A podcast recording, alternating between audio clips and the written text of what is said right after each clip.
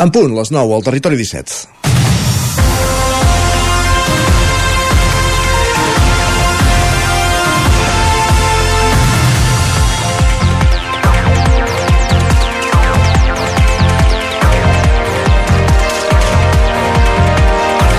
En els últims 14 anys, Catalunya ha perdut un total de 5.961 oficines bancàries.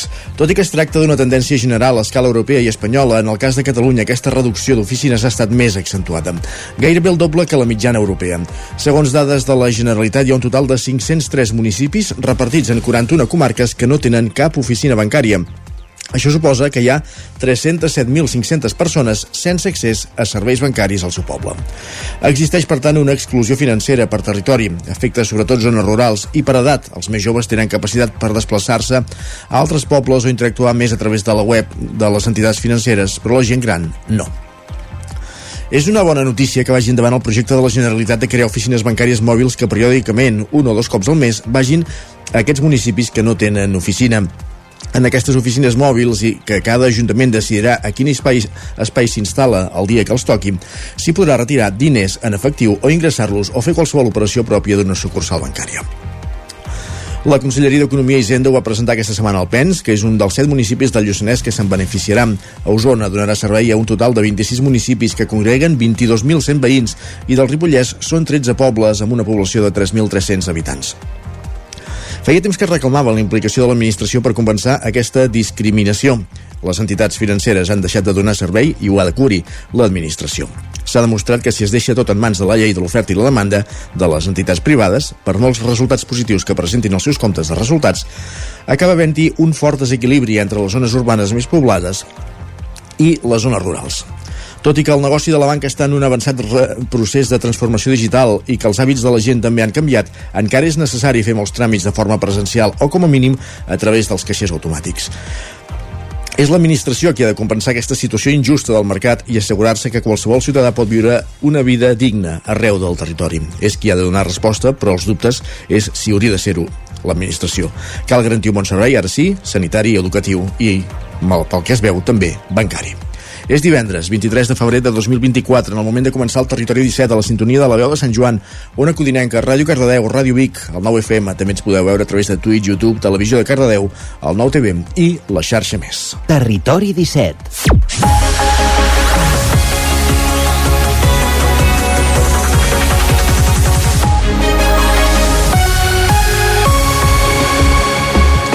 Són pràcticament 3 els minuts que passen de les 9 del matí en el moment de començar el Territori 17, el magazín de les comarques del Vallès Oriental, l'Osona, el Ripollès, el Moianès i el Lluçanès que us fa companyia cada matí durant dues hores entre les 9 i les 11. De quina manera, amb quins continguts, ja sabeu que els divendres variem mínimament l'escaleta, en aquesta primera mitja ens dedicarem a aprofundir en les notícies de les nostres comarques, les notícies del territori 17, en connexió amb les diferents emissores que dia a dia fan possible aquest programa. També anirem fins a Ona Codinenca en un cap de setmana que es presenta mogut meteorològicament parlant. Això fa que en Pep Acosta el tornem a tenir nerviós i emocionat perquè feia molts dies que estava intentant poder anunciar notícies com aquesta, per tant el tenim nerviós, no neguitós, anirem a una codinenca a partir d'un quart de 10 al matí per veure quina és la previsió meteorològica de cara al cap de setmana i acte seguit anirem fins al quiosc amb en Sergi Vives per repassar quines són les portades dels diaris del, del matí. D'avui divendres, 23 de febrer de 2024. A partir de dos quarts de deu, tertúlia, com cada divendres, avui en companyia d'Agustí Danés, Tons Falqués i Miquel R, aprofundint en aspectes de l'actualitat de les nostres comarques, i a les 10 notícies, la previsió del temps, i a partir d'un quart d'onze, com cada divendres, torn per l'agenda esportiva, torn pels esports per repassar quins són els compromisos dels equips i esportistes de les nostres comarques en diferents disciplines esportives.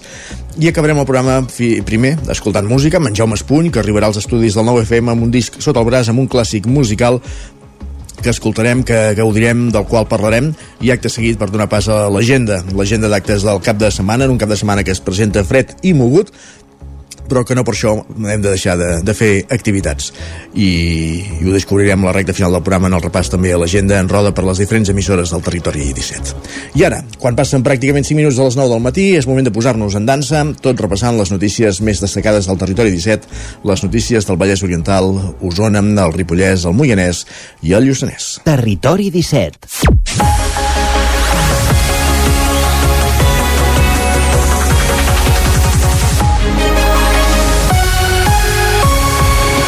I és que al Moianès, més de la meitat de les urbanitzacions de la comarca no compleixen la normativa urbanística i estan pendents de legalitzar, un fet que dificulta la reforma dels habitatges i la prestació de serveis bàsics. La problemàtica s'arrossega des de l'última fase del franquisme Roger Rams, ona codinenca. Bon dia, exacte. Anem a PAMS. Tot plegat neix d'un projecte d'especulació urbanística que es va donar entre els anys, els anys 60 i 70 del segle passat. En aquell moment proliferaven diverses construccions privades de baixa qualitat i en llocs apartats i sense normativa urbanística on el promotor acabava desapareixent. Amb el pas del temps, el deteriorament dels serveis ha generat problemes amb l'administració, ja que sovint no es poden autoritzar les reformes necessàries al no ser urbanitzacions correctament recepcionades. Majoritàriament, l'administració local local ha hagut d'assumir fins ara el repte i el cost de legalitzar aquests projectes privats. Tampoc és un problema únic del Moianès. De fet, a Catalunya, si ens fixem en les dades del darrer 2023, el Departament d'Urbanisme de la Generalitat apuntava que hi ha 1.430 urbanitzacions repartides per tot el país. D'aquestes, la meitat, 730 encara no estan regularitzades. Tot i que comparteixen una problemàtica comuna, la realitat de cadascuna d'elles és diferent i el seu procés per recepcionar-les també va a ritmes diferents. Per exemple, Montví de Baix és la urbanització més gran de Mollà, la capital del Moianès, i es troba en un procés lent de legalització. Montví de Baix està dividida en quatre sectors, un d'ells ja legalitzat i s'ha començat la legalització del segon sector, un procés que s'ha fet conjuntament amb l'Ajuntament i els propietaris de les més de 200 parcel·les que hi ha.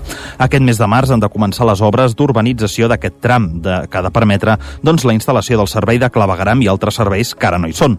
El cost de tot plegat l'assumiran els mateixos propietaris. Per exemple, un altre punt de la comarca, Monistrol de Calders, l'Ajuntament treballa també per regularitzar la masia del Solà, on algunes famílies hi viuen en situació precària. I és que es tracta d'una urbanització de gairebé 500 metres quadrats. El terreny està repartit amb 771 parcel·les en un terreny molt abrupte, amb canvis de desnivell i que abasta antics terrenys de conreu arreu i bosc. En total, les parcel·les construïdes ronden el centenar i deixen molts espais doncs, que estan deshabitats. A les zones no urbanitzades s'hi ha instal·lat gent a viure amb barracons d'obra totalment abandonats i amb condicions que no són segures. Per tot plegat, ja en aquest punt, a Monistrol de Calders es, es planteja un eh, pla urbanístic eh, específic per aquesta urbanització, uns treballs que comptaran amb el suport de la Diputació. I finalment, a un altre punt del Moianès, a un tercer punt, a Santa Maria d'Oló, també hi ha una vintena d'habitatges habitatges construïts al voltant de la masia de Rubís que tampoc no compleixen cap tipus de normativa. També és una urbanització que es va construir als anys 60 per un antic propietari que actualment tampoc no està recepcionada. Situada en una zona boscosa i propera a l'estany, també provoca que els propietaris visquin amb incertesa sobre les seves propietats immobiliàries, ja que legalment es podria impulsar en qualsevol moment l'enderrocament de totes les cases. Més qüestions, Torelló preveu tenir d'aquí a menys d'un any 205.000 metres quadrats més de sol industrial. Són els del polígon de la Caseta que han començat, on han començat a treballar i Sergi Vives al 9FM. Un polígon ubicat a l'entrada de Torelló Sud i que disposaria de 35 parcel·les d'una mitjana de 3.500 metres quadrats cadascuna. Ja n'hi ha 7 naus construïdes. El projecte del polígon de la Caseta estava aturat des del 2016 i després que l'Ajuntament resolgués un recurs que estava pendent, ara s'hi estan a punt d'acabar les obres d'urbanització. Unes obres que el consistori preveu que finalitzin aviat. En parla l'alcalde Marcel Ortuño. L'inquietud de l'Ajuntament eh, per accelerar al màxim i per posar totes les, les facilitats eh, venen per aquesta necessitat que detectem. No? Hi ha empreses de Torelló que necessiten créixer i necessiten eh, sol industrial de, de, de dimensions importants i també és un atractiu que, eh, que necessitem com a població per poder treure empreses de certa dimensió. Del polígon de la caseta, d'uns 20 propietaris privats, li pertoca una part de terreny a l'Ajuntament. És on s'hi hauria d'ubicar la futura segona estació de tren, l'anomenada estació La Garrotxa. Tenir una segona estació, però no voldrà dir tancar l'actual. El desdoblament de molta part de, de l'R3 que permetria eh, majors freqüències faria que aquest, aquesta estació de capçalera pogués pujar-se fins a Torelló i per tant que aquesta freqüència augmentés fins a Torelló i aquesta funció la faria l'estació actual afegint-hi una via i llavors, anterior a aquesta, hi hauria una estació que actuaria només com a estació de viatgers, per entendre'ns, però per donar servei amb l'enllaç d'autobusos a la Garrotxa. Després d'haver desencallat l'ampliació del polígon de la caseta, el consistori preveu ara donar resposta a la demanda de sol industrial al municipi. Més qüestions, tornem al Vallès Oriental i és que s'han instal·lat, instal·lat dos ecocomptadors alerta, eh, per obtenir dades d'afluència de gent al Parc del Montnegre i al Corredor. Enric Rubio, Ràdio Televisió, Cardedeu. Doncs així és, Isaac. El Parc del Montnegre i el corredor, donada la seva proximitat a grans ciutats, cada cop està més massificat i mesures com aquesta ajuden a tenir una idea real recolzada en xifres i dades actuals. Un dels dos ecocomptadors eh, que s'hi han instal·lat detecta i diferencia les bicicletes dels vehicles a motor i l'altre només comptabilitza bicicletes. És un sistema soterrat, sensible a la pressió del terreny, amb un sistema de sensors dissenyat per a poder comptabilitzar, tot diferenciant el tipus de vehicle que comentàvem. Un cop recopilada aquesta informació, totes aquestes dades s'amagatzemen i s'analitzen utilitzant un programa en línia, capaç de distingir la direcció dels que transiten per la zona i si estan entrant o sortint del parc. Estem en un moment on no només els vehicles a motor estan sota la lupa en els espais preservats com aquest, sinó que les bicicletes cada vegada més veuen acotades les zones i tipus de corriols i camins per on poden anar. I novetats d'aquests últims anys, com ara les bicicletes elèctriques, que fan que un nombre molt gran de persones que abans no transitaven fins a aquests punts, ara ho facin amb aquests vehicles de rodes de gran amplada, amb un motor que porten adherit, encara que sigui una ajuda a la pedalada, que els permet arribar a llocs on fins ara no ho feien o, sens dubte, no amb un volum tan gran d'aquests. Per tant, accions com aquesta el que porten al cap i a la fi és la capacitat real de saber la càrrega d'espais sensibles que actualment disposen d'un feble equilibri entre oci i conservació del medi natural. Gràcies, Enric. Més qüestions, empresa, persones i entorn són els tres motors de que tota nau espacial ha d'accionar per poder enlairar. Amb aquesta premissa arrencava ahir la segona edició del Growth, una jornada centrada en el lideratge en valors que va reunir 150 persones al Parc de la Universitat de Vic, Sergi. Amb Laia de Mendoza, en el paper de moderadora, l'encarregat d'obrir l'acte va ser el director general de la Fundació Universitària Balmes, Jordi Baiget, que va destacar la importància de vincular en esdeveniments com aquest empreses i universitat. La primera sessió del matí arribava a mans d'Enric Jové, el timó actualment de l'agència McCann World Group Barcelona. A Jové l'avala una àmplia experiència en la construcció de marques. Ha treballat, de fet, per grans noms del món de la publicitat com Coca-Cola o IKEA. A la jornada va parlar d'activisme i de com construir una marca, una idea que ha de comptar amb quatre ingredients clau, canvi, confiança, empatia i relació, i que sobretot ha d'estar ben executada. Dels tres motors, empresa, persones i entorn, Jovés va centrar en el primer. Qui li agafava el relleu era Andrea Drapé, cofundadora d'Octava, consultoria per a la transformació de líders i equips, que es va enfocar en el segon, en les persones. La seva ponència es va centrar en la humilitat del líder. L'objectiu de la formació de Growth en general és precisament treballar aquests canvis i com gestionar els canvis a dins de les empreses en un món que és tan canviant i tan accelerat. Eh, jo he parlat del motor de les persones i concretament dels seus líders i l'eix de la ponència ha tingut eh, la humilitat com a poder, una humilitat que ens ajudarà als líders a entendre el poder i la responsabilitat del lideratge Ahir al Parninf eh, també hi van passar Simon Lee, líder en startups, i Sandra Ejarque, experta en intel·ligència artificial. La part més lúdica de la jornada arribava amb el Show Game, una experiència que va combinar el joc amb la divulgació del lideratge en valors. Més qüestions. El proper, proper curs escolar, el 2024-2025, començarà el 9 de setembre, infantil, primària i secundària. El Departament d'Educació, per tant, endarrereix la data d'inici respecte als dos últims cursos, quan el conseller Josep González Cambrai Espai havia establert com a data d'inici el quart dia laborable de setembre. La nova consellera Anna Simó ha atès en part les reclamacions dels sindicats que demanaven més dies per poder preparar les classes. Aquesta data era la que generava menys controvèrsia d'entre les que el Consell Escolar de Catalunya havia proposat al departament. Així ho anunciava ahir la consellera.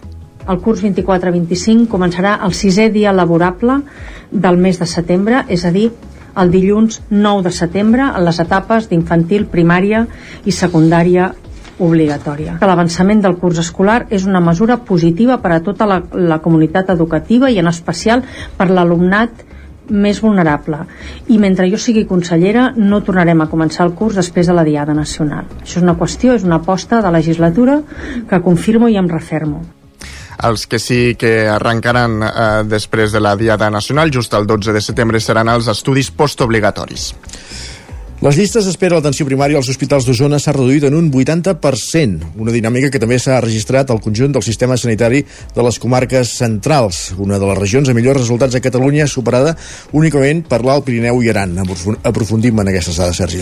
Això confirmen fons del Departament de Salut. A Osona, en atenció primària, gairebé 8 de cada 10 persones que demanen hora aconsegueixen tancar visita en 5 dies o menys amb el seu professional assignat. Una dada que situa la comarca 15 punts per sobre de la mitjana catalana.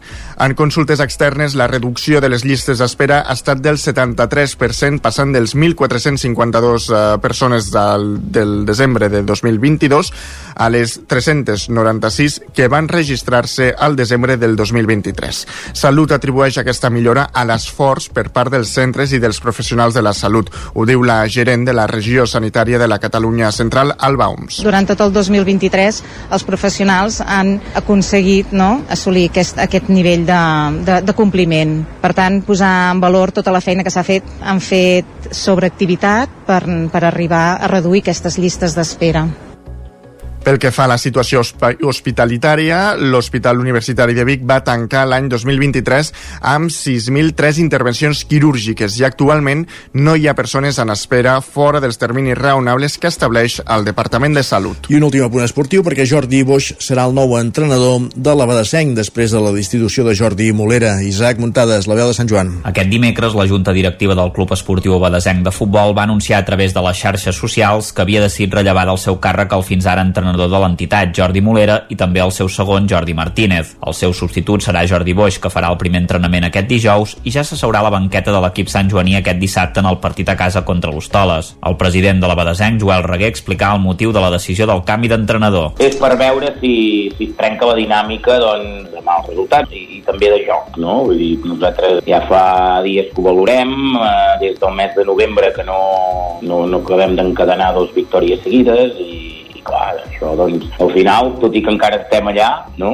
Clar, duíem marge, ho hem reduït, però més que més és perquè l'equip últimament, eh, bueno, creiem que no jugava massa massa bé, i ja està, simplement això, i es parlant amb jugadors i això, i bueno, sensació doncs, que, que necessitaven un canvi. Ara mateix la Badesenc és segona a la classificació del grup 3 de tercera catalana i només està a 3 punts del lideratge, que ara el té la Mer. El problema dels Sant Joanins és que havien arribat a tenir fins a 5 punts d'avantatge respecte al segon classificat i que fins a la dolorosa derrota en el derbi a casa contra el Camp de per 0 a 4 havien anat primers. Com deia Reguer, l'equip està en una mala dinàmica des de finals de novembre i sobretot des de la derrota a les preses, la primera de les dues en Lliga a principis de desembre. Dels últims 8 partits, els Sant Joanins només n'han guanyat dos, n'han empatat 4 4 i n'han perdut dos. Amb el canvi d'entrenador esperen que la plantilla feta per pujar pugui lluitar per la Lliga. L'any passat van acabar tercers i fa dos anys segons. I de fet, enguany el conjunt Sant Joaní encara ha de rebre a casa la Mer l'escola de futbol de la Garrotja i les Preses, el primer, tercer i quart classificat respectivament. Aquesta era la segona temporada de Molera al capdavant del club, mentre que Jordi Martínez ja havia vingut amb l'anterior entrenador, Miquel Muñoz. El nou míster, Jordi Boix, ve de la Garrotja i ha entrenat equips com el Sant Jaume de Llerca, la Junquera, el Bosc de Tosca i aquest any no entrenava, ja que estava de coordinador del futbol base d'aquest darrer conjunt. El seu objectiu principal serà tornar a dur l'equip a segona catalana, una categoria que no trepitgen des que van descendir l'any 2019.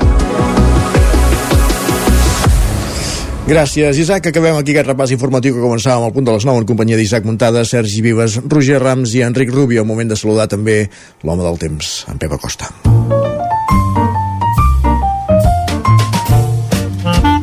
Casa Terradellos us ofereix el temps. Un Pep Acosta que està neguitós perquè s'acosten canvis meteorològics. Hi ha moviment. Pep, bon dia. Hola, molt bon dia. Ja divendres, ja immersos en el cap de setmana, últim cap de setmana del mes de febrer, i per fi les peces es comencen a moure, per fi hi ha una mica de de moviment meteorològic i era hora, i era hora eh, que, que hi hagués aquest canvi, aquesta situació eh, més dinàmica, aquesta situació més líquida. Per fi comença a canviar una mica el temps i es veu moviment aquest cap de setmana i també els pròxims dies, eh? per tant, interessant el que pot eh, passar. Aquesta nit ha plogut una mica, i han arribat les primeres eh, precipitacions cap al Pirineu. Hi ha més de 5 litres eh, cap al Petroral i zones centrals entre 0 i 5 litres. Eh, bueno, mica en mica eh, es pot anar sumant algun litre aquest cap de setmana. També ha nevat a uns eh, 1.700-1.800 metres. Nevada poca, molt poca de moment. Però bueno, al Pirineu ja es comença a veure una mica blanc tot el sector de Baiter i zones eh, pròximes. eh, i destacable la baixada de temperatures. Avui sí que que glaça, glaça amb unes temperatures molt baixes, a les zones més altes, mínimes de fins a 10 sota 0 cap al Pirineu, també al Montseny comença a glaçar, 2-3 quarts de 0 són al Montseny, i també glaça cap al transversal i zones més altes de les muntanyes prelitorals. Per fi torna el fred, la neu i les glaçades, eh? I era hora, i era hora després de, de tants i tants dies sense glaçar i tants dies amb temperatures suaus i era hora, i era hora una mica de, de fred i eh, aquesta tarda pel que fa a l'estat del cel aquesta tarda eh, hi haurà tempestes hi haurà eh, petits ruixats cap a la zona del Pirineu i zones de muntanya de les nostres comarques. Les temperatures màximes més baixes que les d'ahir, eh, força més baixes que les d'ahir, eh, amb prou feina superarem els 13-14 graus, eh, baixaran entre 8 i 10 graus la majoria de màximes a les zones de muntanya, Montseny, Transversal i Pirineu, sobretot, temperatures àmpliament negatives durant tot el dia d'avui i, com dèiem, a la tarda hi pot haver eh, ruixats, alguna tempesta, preferentment també cap al nord de les nostres comarques, sobretot Pirineu i serrada transversal. De cara a demà, serà un dia amb, amb, amb més sol, en principi poques pluges, un dia fred, aquesta nit glaçarà a moltíssimes eh, poblacions, a moltíssims llocs. No crec, no crec que faci mal al camp. I diumenge serà un dia que ens, ens acosta un altre front, s'acosta un altre front, i hi haurà més pluja i neu cap a la zona del Pirineu, sobretot cap al nord de les comarques, eh, cap al sud, en principi no arribarà la pluja i la neu, i serà una precipitació no tant com aquesta tarda, que avui la tarda divendres serà més en forma de tempesta i de, de precipitació puntual i, i poca cosa, sinó que diumenge anirà fent a la zona del Pirineu es pot acumular 5-10 litres més, entre 10 i 15 centímetres de neu nova, per tant, diumenge, bones notícies, anirà fent aquesta puja a la zona del Pirineu. Moltes gràcies, adeu. Gràcies a tu, Pep. Parlem d'aquí una estoneta. En Pep Acosta, com dèiem, que està neguitós amb aquest canvi meteorològic que, que ens arriba aquest cada setmana arran d'aquest front atlàntic. Més qüestions. Casa Tarradellas us ha ofert aquest espai. Moment d'anar cap al quiosc. Moment de repassar quines són les portades dels diaris del matí. Sergi Vives, avui és divendres, per tant, toca començar repassant les portades de les dues edicions en paper del 9-9, la d'Osona i el Ripollès i el Lluçanès, i la del Vallès Oriental. Així doncs, començarem per la d'Osona, Ripollès i Lluçanès, que diu que Vic es desdiu de fer el porta a porta a tota la ciutat i aposta pels contenidors tancats. Expliquen que només l'aplicarà a Fores i els barris de Sant Llàtzer, les quatre estacions, la Serra de Sant Ferm i la plaça d'Osona. Aprofundirem en aquesta qüestió durant la tertúlia, perquè a partir de tres quarts de deu ens hi acompanyarà també l'alcalde de Vic, Albert Castells, per aprofundir en aquesta qüestió. I avui a la foto ens trobem a la ripollesa Fiona Pinar, de 21 anys, que s'estrenarà als Jocs Paralímpics de París, als 100 metres llisos, després de l'amputació del peu esquerre a causa d'un accident d'esquí doncs un, una història de superació avui ocupant la portada, la fotografia principal de la portada del 9-9, l'edició de Zona el Ripollès i el Moianès, i el Lluçanès, volem dir. I ara anem a la del Vallès Oriental, que diuen que a Adif li han robat 29 quilòmetres de cable durant les obres de l'R3. Expliquen que Generalitat, usuaris i ajuntaments clamen perquè torni al servei d'autobusos.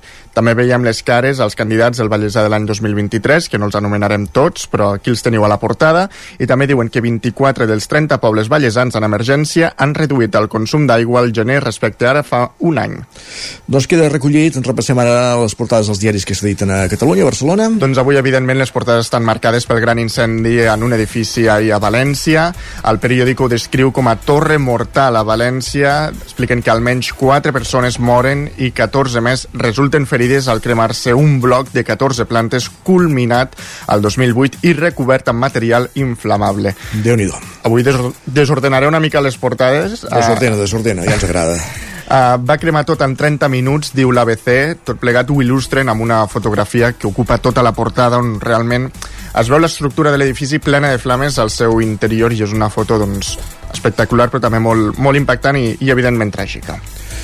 Suposo que comparteix protagonisme amb la sentència del cas Alves. Tot aquest, uh, Ah, moltes sí. portades. Sí, sí, sí. Mira, de fet, La Vanguardia diu que Dani Alves és condemnat a 4 anys i mig per violació. Expliquen que l'Audiència de Barcelona aplica com a atenuant per rebaixar la pena la fiança de 150.000 euros que va dipositar l'exjugador. Lara diu que Europa obliga Espanya a convertir en fixos els interins continus. Expliquen que és un cop dur de la justícia europea que reclama la reducció de la temporalitat en el sector públic. El País diu que la Fiscalia del Suprem descarta el terrorisme contra Puigdemont i el Mundo diu que la trama de Coldo va inflar pre preus de les mascaretes i va guanyar 15 milions. Expliquen que els empresaris Cueto i Aldama només van gastar en comprar material el 13% dels 52 milions adjudicats. Diuen que l'home d'Avalos va utilitzar el compte de la seva filla per comprar tres pisos a Benidorm sense hipoteca. déu nhi Doncs aquests són els titulars que trobem avui a, a les portades mm, dels diaris dels en paper. diaris. I ara repassem ràpidament les edicions digitals del 99.cat, Osona, Ripollès i Lluçanès i Moianès. Doncs també ens trobem aquest titular, que Vic es desdiu de fer el porta a porta a tota la ciutat. I a l'edició del Vallès Oriental i el Moianès. Doncs ens diuen que un biòleg ballesà analitza l'efecte del canvi climàtic en els bacteris del sol. Gràcies, Sergi. A tu. Acabem aquí aquest repàs a les portades, aquest repàs al quiosc, a les portades dels diaris del matí. Ara fem un petit, una petita pausa, res, 3 minuts, i tornem de seguida amb la tertúlia, avui amb Miquel R, Agustí Danés i Toni Falqués. I com dèiem, a partir de 3 quarts de 10 també amb la companyia de l'alcalde de Vic parlant d'aquesta renúncia al porta a porta. El 17. La ràdio de casa al 92.8. La qualitat de les teves impressions és important per tu? Estàs cansat que els colors i les imatges no surtin com t'esperes? A Impremta Mater disposem de la tecnologia més avançada i els millors professionals per aconseguir impressions d'alta qualitat. Fem tota classe d'impresos amb acabats professionals. Llibres, catàlegs, revistes, tesis, calendaris, enquadernacions... I a més, disposem del servei d'impressió digital en gran format. Roll-ups, lones, pòsters i molt més. Impremta Mater. Ens trobaràs a la carretera de Sant Hipòlit 23 de Vic o impremtamater.com. Cobertes serveis funeraris. Els nostres tanatoris estan ubicats en els nuclis urbans més poblats de la comarca d'Osona per oferir un millor servei. Tanatori de Vic, Tanatori de Manlleu, Tanatori de Centelles i Tanatori de Roda de Ter.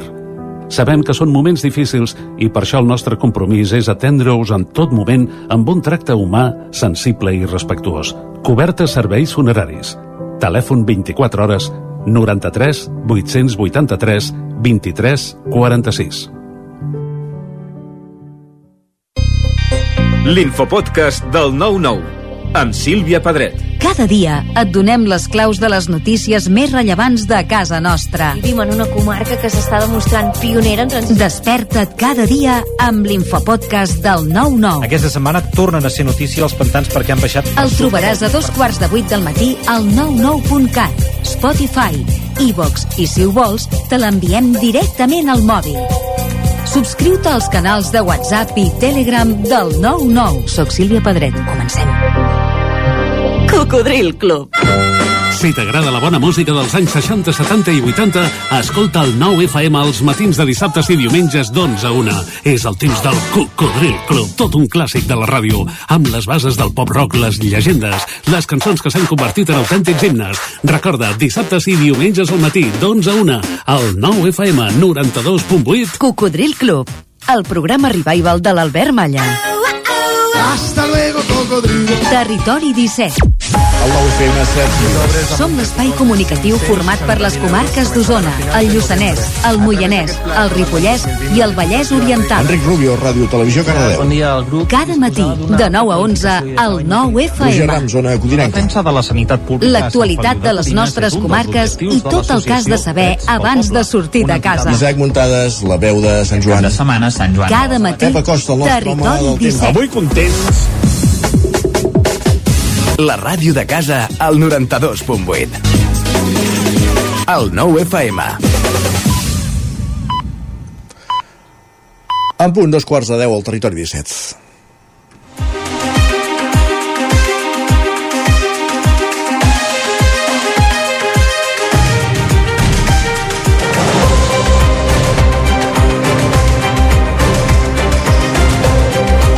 I a dos quarts de deu els divendres és temps per la tertúlia, temps de tertúlia, avui en companyia d'Agustí Danés, Miquel R i també de Tom Falqués des de la distància. Benvinguts tots tres, bon dia. Bon dia. Bon dia. Bon dia. Per eh, abordar diferents aspectes de, de l'actualitat de casa nostra i de, de més enllà, Uh, M'agradaria començar per una qüestió que aquesta setmana es presentava al PENS, ara en parlàvem a, a les notícies, que és aquestes oficines mòbils que posarà la Generalitat al servei dels municipis on no hi ha serveis bancaris. Al final és l'administració qui ha d'acabar cobrint un servei que, que han deixat de, de prestar uh, els bancs i caixes perquè no el consideren rendible. I llavors, quan a principis d'any donem els comptes de resultats de, de, de les entitats bancàries, ens esgarrifem.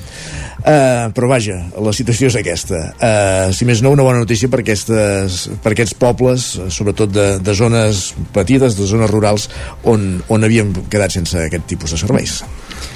Sí, has fet, de fet, tu ja que has fet una presentació induïda ja, eh? Vull molt, dir que del, del- del, del, i- i to de la, i conscientment. del to de la presentació ja se'n se deduïa, diguem, quina era la teva tesi. I al final, vaja, jo crec que, que tens raó, no? Que a si fas la foto fixa només d'aquesta setmana, doncs és evident que és una bona notícia, ho diem també a l'editorial, és una bona notícia perquè hi ha aquests municipis petits que no tenien serveis bancaris i que ara en tindran, però, és clar, la, la foto és fixa i la vida és en moviment. Llavors potser hauríem de rebobinar i anar a l'origen del problema, l'arrel, i, i, i aquí és on, on hi ha el problema, no? que ara es cobreix una necessitat amb diners públics, però és que aquesta necessitat ja no s'hauria d'haver produït, perquè els bancs, diguem, han fet aquí diguem, una deixació de, de, de funcions del que hauria de ser una part també, de, encara que sigui des de l'òptica de, de, la- de l'empresa privada, perquè els bancs són SAs, no?, que reparteixen dividends i, a més a més, suculents eh, en els seus accionistes, però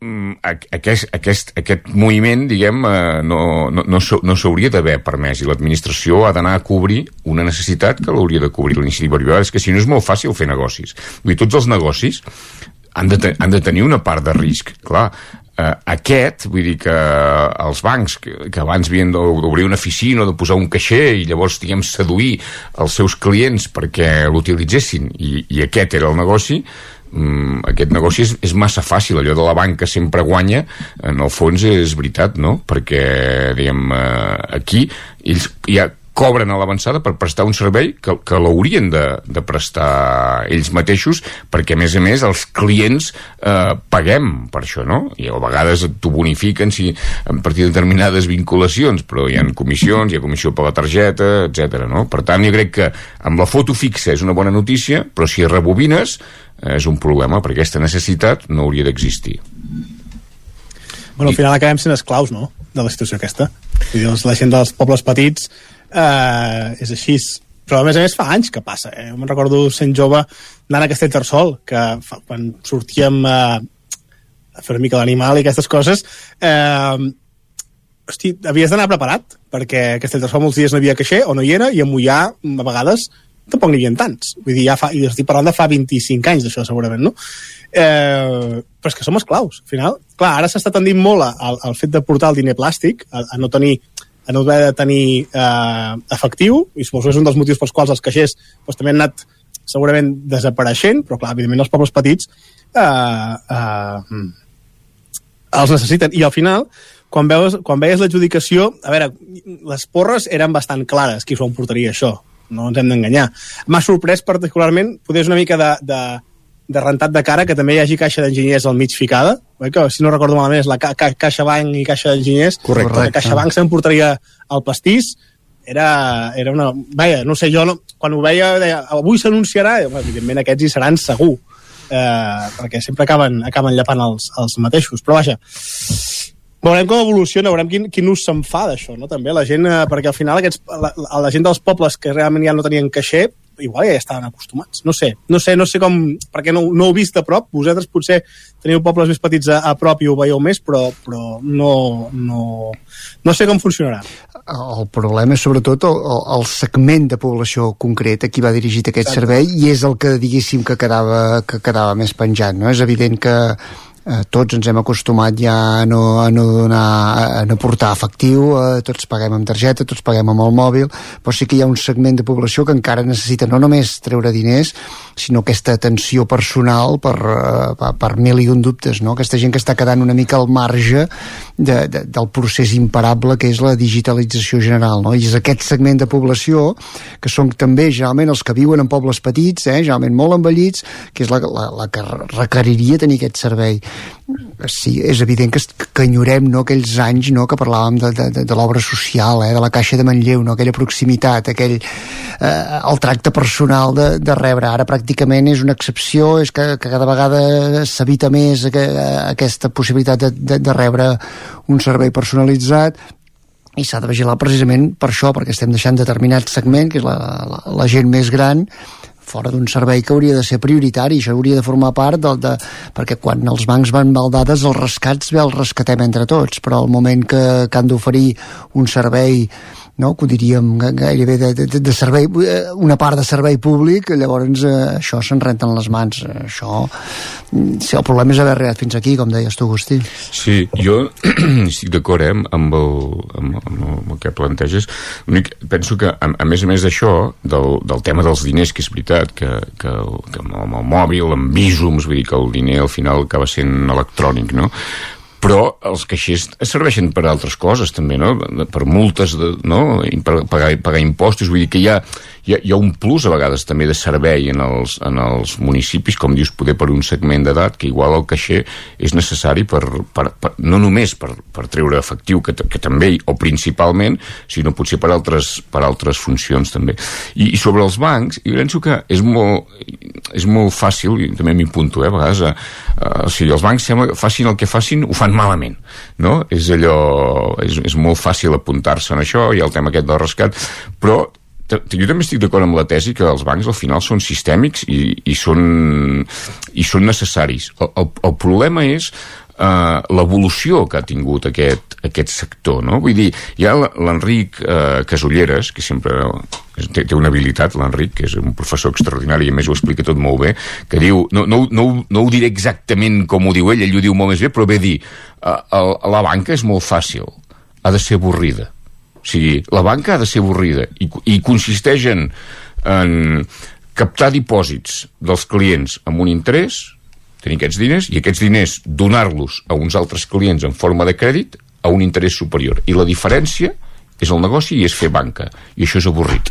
Però quan hi han derivats, eh, fons d'inversió, eh, accions de no sé quina punta del món, participacions preferents, i a més a més, venem alarmes, eh, teles, mòbils i no sé què més, això què és? Això és fer banca o això és un basar xinès? I que, llavors, aquest sector ha canviat tant que està pervertit. I llavors parlem de, de, de, parlem de, de temes que, que, que no són pròpiament la banca, perquè això avui és un basar xinès. Sí, sí. I el fet aquest que apuntava Anton, eh, que al final s'acaba fent un concurs públic per, perquè algú assumeixi aquest servei i són aquells que, que l'oferien dins, la, dins, el seu, dins la seva cartera de serveis, però ara, a més a més, l'ofereixen co cobrant. Vull dir que, en fi, eh, un negoci rodó, també. Sí, però això és intel·ligent. I això des del punt de Ah, vista des del punt de vista, sí, intel·ligent. clar.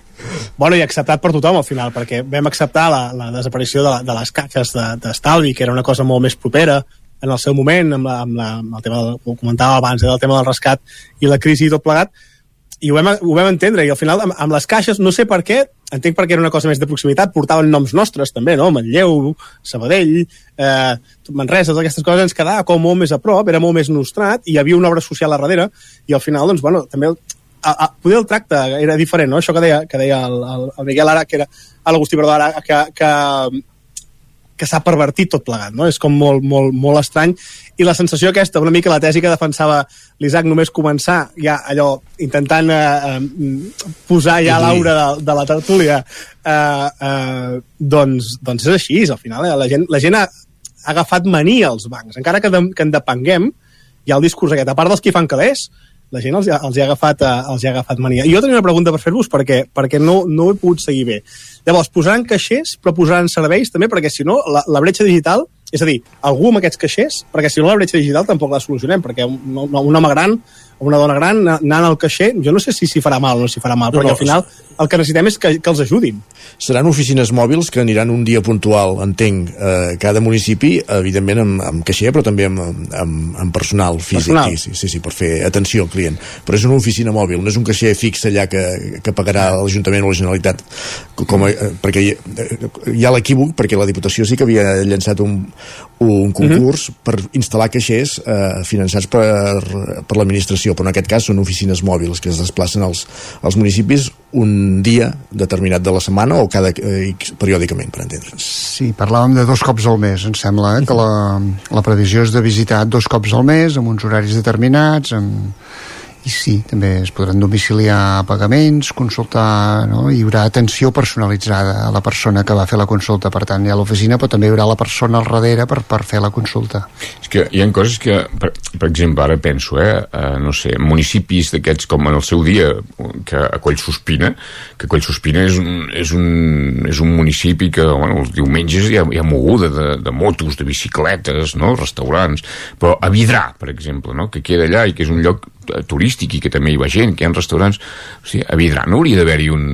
No seria lògic que, que hi hagués un caixer, no, no, però no, no només per la gent de Vidrà, que principalment sí, sinó perquè és un lloc d'afluència i de moviment, almenys els caps de setmana. No, no seria lògic això, que es pogués exigir d'alguna manera que, que Vidrà, que, que deus haver de fer, eh, no sé, eh, o anar a Santa Maria d'Osora, que no hi deu haver tampoc, o Sant Quirze, no? Sant Quirze. No. Què hi ha, Isaac? Sí, però segurament el perfil de públic que se'n va al cap de setmana a dinar a Vidrà i no necessita treure diners en efectiu actualment. És això que dèiem, aquest, aquest client ja paga amb la targeta, no necessita pagar. En canvi, podeu necessita l'avi que llavors gràcies a aquests diners se'n va pagar ell paga encara efectiu al pa o paga durant tota la setmana se'n va comprar carn o paga entre setmana, però poder el perfil de cap de setmana eh, vull dir que deu estar acreditat que aquests devia baixar notablement el servei perquè ja no esperes anar a dinar no sé on i, Sí, sí, a Collsospina... no? I la gent porta el mòbil, ja paga amb el mòbil A Collsospina recordo que n'havíem parlat molt des de fa anys, que era una de les era una de les reivindicacions no, dels alcaldes que sempre hem d'aconseguir un caixer. I tu, no hi havia manera És una de les, és una de les qüestions de, de la setmana. Eh, una altra eh, la llancem ara i d'aquí uns minuts hi aprofundirem perquè ens acompanyarà també la tertúlia l'alcalde de Vic, Albert Castells. Avui el titular eh, de capçalera de la portada del 9-9 d'Osona i el Ripollès és Vic es desdiu de fer el porta a porta a tota la ciutat i aposta pels contenidors tancats. Ahir eh, l'alcalde, acompanyat de, del regidor d'Ara Vic, Xavier Ferrés, presentava aquest pla d'actuació municipal, el PAM, i una de les notícies que se'n desprenien és aquesta renúncia al porta a porta, un porta a porta que, que ha estat sobre la taula de l'Ajuntament de Vic durant molts anys, durant molts mandats, que semblava que aquest havia de ser el definitiu i finalment, eh, per diverses qüestions, que ara, com dèiem, d'aquí uns minuts en parlem amb l'alcalde, se- se'n fa, se'n fa enrere. La gestió de les deixalles és un tema recurrent, hem parlat sovint, vegades aquí eh, en aquesta tertúlia i sempre hi ha la incògnita de, de les ciutats eh, ja de, de, de certa dimensió que no han vist mai amb bons ulls com a solució al, porta a porta. Sí, és una mica això, no? És un tema que, que no, no sé com dir-ho, si, si han anat marejant la perdiu durant, durant aquest temps, van aconseguir és un tema impopular, és un tema que segur que quan s'acosten eleccions té la certa transcendència, perquè és un tema que costa, que costa implementar-ho, que sempre té un cost afegit. Es havia parlat de la possibilitat fa molts anys, el, el porta a porta, eh, sí que és veritat que, clar, si tu vas esperant també tens un avantatge, que és que pots anar mirant els municipis veïns i què, què està passant, no? I per tant jugues una mica en aquest sentit, eh, podríem dir que ha estat una jugada intel·ligent perquè han esperat una mica què passava i, què- i què passa, que amb això també s'ha evolucionat i que les ciutats grans eh, no està demostrat que, que sigui molt més eficient tampoc més econòmic eh, posar un sistema de porta a porta amb, amb, amb relació a aquests, a aquests contenidors xipats I, i això només tan sols mirant al, al voltant no? Eh, com Torelló tira cap aquí eh, poden, eh, poden mirar què ha passat a Manlleu durant aquest temps fins ara quins dèficits ha tingut el porta a porta han mirat què està fent Centelles eh, recentment em, em consta per exemple a Lleida han deixat el porta a porta i han tirat enrere Per tant, diguéssim que s'ho mirat amb la perspectiva de dir què està passant eh, i ara, diguéssim, que fan un, un pas enrere en aquest sentit, però també adaptant-te a poder eh, a nous models que poden ser igual d'eficients. Jo crec que hi ha dues coses. Una, com, com dius, eh, el cas de Vic és curiós, eh? Quan, quan mires enrere és curiós perquè, si ho recordes, deu fer 8 o 10 anys, o més, poder 10 anys, eh, vam fer molts titulars que Vic havia de ser la primera ciutat gran de Catalunya amb un pla pioner de l'agència de residus per fer el porta a porta. La, Sí, sí, sí. la, la primera, i han passat 10 anys i es continua sense fer el porta a porta. No. I, I què ha passat en aquests 10 anys? Ha passat una mica el que dius, que és que s'ha anat implantant, per tant hi ha més experiència, hi ha més models, i que al final Vic doncs, té aquest, aquesta possibilitat d'analitzar a l'entorn proper què ha passat a Manlleu, què ha passat a Torelló són ciutats més petites però serveixen de model i, i poder decidir. Dit això jo tinc una opinió ambivalent perquè és evident que en els llocs on es fa el porta a porta i que exigeix aquesta, eh, aquest plus, eh, que això a vegades la gent empenya, que et diguin avui toca això, ara has de ser en aquest horari avui el peix te'l te guardes aquí al terrat perquè les espines perquè no es pot treure l'orgànic vull dir, emprenya això a la gent. Però és veritat que els llocs on s'aplica els resultats són molt bons. Els resultats de, de reciclatge, això és veritat.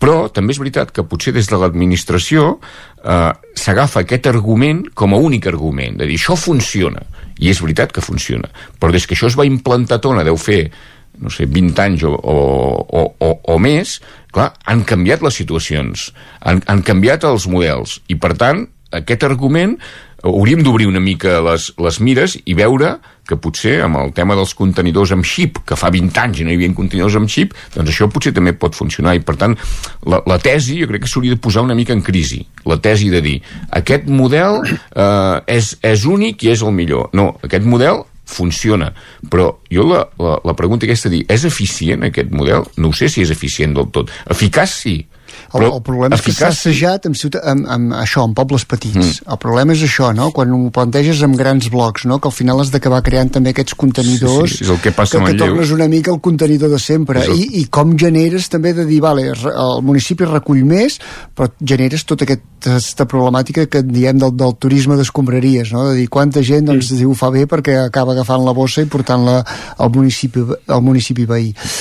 Sí que és veritat que, eh, que estic segur que el porta a porta el que genera és um, més sentit de comunitat, no sé com dir-ho així, eh? més implicació ciutadana. Es- Estic segur que, que genera aquesta, aquesta... Hauria de generar. Hauria de generar. Ja dic, eh, paral·lelament també, genera, també hi ha tots aquests eh, efectes col·laterals, però en aquest sentit sí que seria positiu.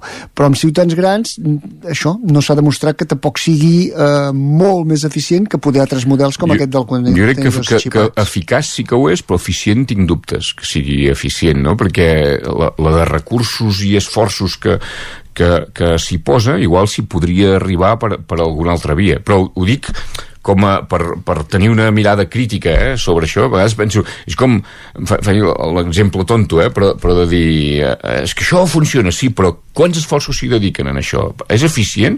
Jo, és aquí on tinc dubtes, és com quan hi ha mosquits, no? Tu, "Ti- tinc mosquits a casa a l'estiu, pots fumigar, si es moriran tots, però igual amb una flitada tam també surts del pas, no? Vull dir, eh, per tant, eh, és, és eficaç, sí, però eficient no, és més eficient una flitada. I amb les escombraries crec que passa una mica el mateix. I el, i el, i el tema aquest el qüestionaria una mica, el, el que dius de que, que sí que exigeix, la, la implicació l'exigeix, però com s'hi arriba en, en aquesta implicació? Perquè l'ideal seria que s'hi arribés per un compromís cívic i, i, per Sí, un, no i per una consciència però si s'hi arriba per la, per, per la banda diguem de les multes i conec una mica el, el cas de Manlleu que això està passant, és a dir que, que cobren una quota i després, i després multen no sé, al final aquest país a vegades dic, no? Vull dir que fa 40 anys érem súbdits i, i ara som clients i entremig igual estaria bé que algú tractés com a ciutadà entremig, eh? Doncs, com que apuntàvem, eh, Agustí eh, Miquel Ton, continuem aquesta tertúlia, però també en companyia de l'alcalde de Vic, Albert Castells, que el tenim a l'altra banda de, del fil telefònic, perquè li volíem comentar per aquesta qüestió. Vic es desdiu de fer el porta a porta tota la ciutat i aposta pels contenidors tancats, diu el 9-9 a la portada, i també això es va donar a conèixer ahir en la presentació del pla d'actuació municipal d'aquest mandat, del PAM. Albert Castells, alcalde de Vic, benvingut, bon dia. Bon dia, moltes gràcies. Uh, com dèiem, Vic definitivament es desdiu del porta a porta, l'aposta és pels contenidors intel·ligents. Quin és el motiu? Sí, bé, jo volia fer un matís en el titular, en definitiva és una proposta del govern, jo volia recordar que, que som un govern en minoria i com ja he anat eh, parlant amb tots els grups polítics de, des d'aquest mandat, des de l'inici d'aquest mandat, durant aquest any 24 hem d'acordar, necessitem un acord de ple precisament per a definir eh, aquest eh, nou model de recollida per l'any 25. Això és el que establia el contracte que es va fer ja i que es va iniciar aquest passat 1 de gener del 23 per tant, totes les millores previstes en el sistema de recollida de residus a la ciutat estan adjudicades ja i ja s'estan donant. Recordem que fa un any es va reforçar el servei amb diumenges, que s'ha anunciat també que properament començarà el porta a porta a Sallats a quatre estacions i a la Guixa, i eh, properament també Sant Fermi i Barri Osona, però també estableix aquest contracte que cal un acord de ple per acabar de definir el model a la resta de la ciutat. No? I aquí és on hi ha el matís en què ja era previst que s'hagués de debatre per ple perquè això genera una despesa concreta i per tant aquesta despesa s'ha de, de passar per ple municipal i en tot cas volia dir que la proposta que es va anunciar ahir és la proposta del govern recordem que és govern en minoria, per tant ens caldrà trebar aquestes properes setmanes eh, un acord i esperem que sigui el màxim ampli possible el consistori per, uh, per aquest nou model pels propers anys. Però, de totes maneres, consideren que el, el model de contenidors és millor que el porta a porta per una ciutat com Vic?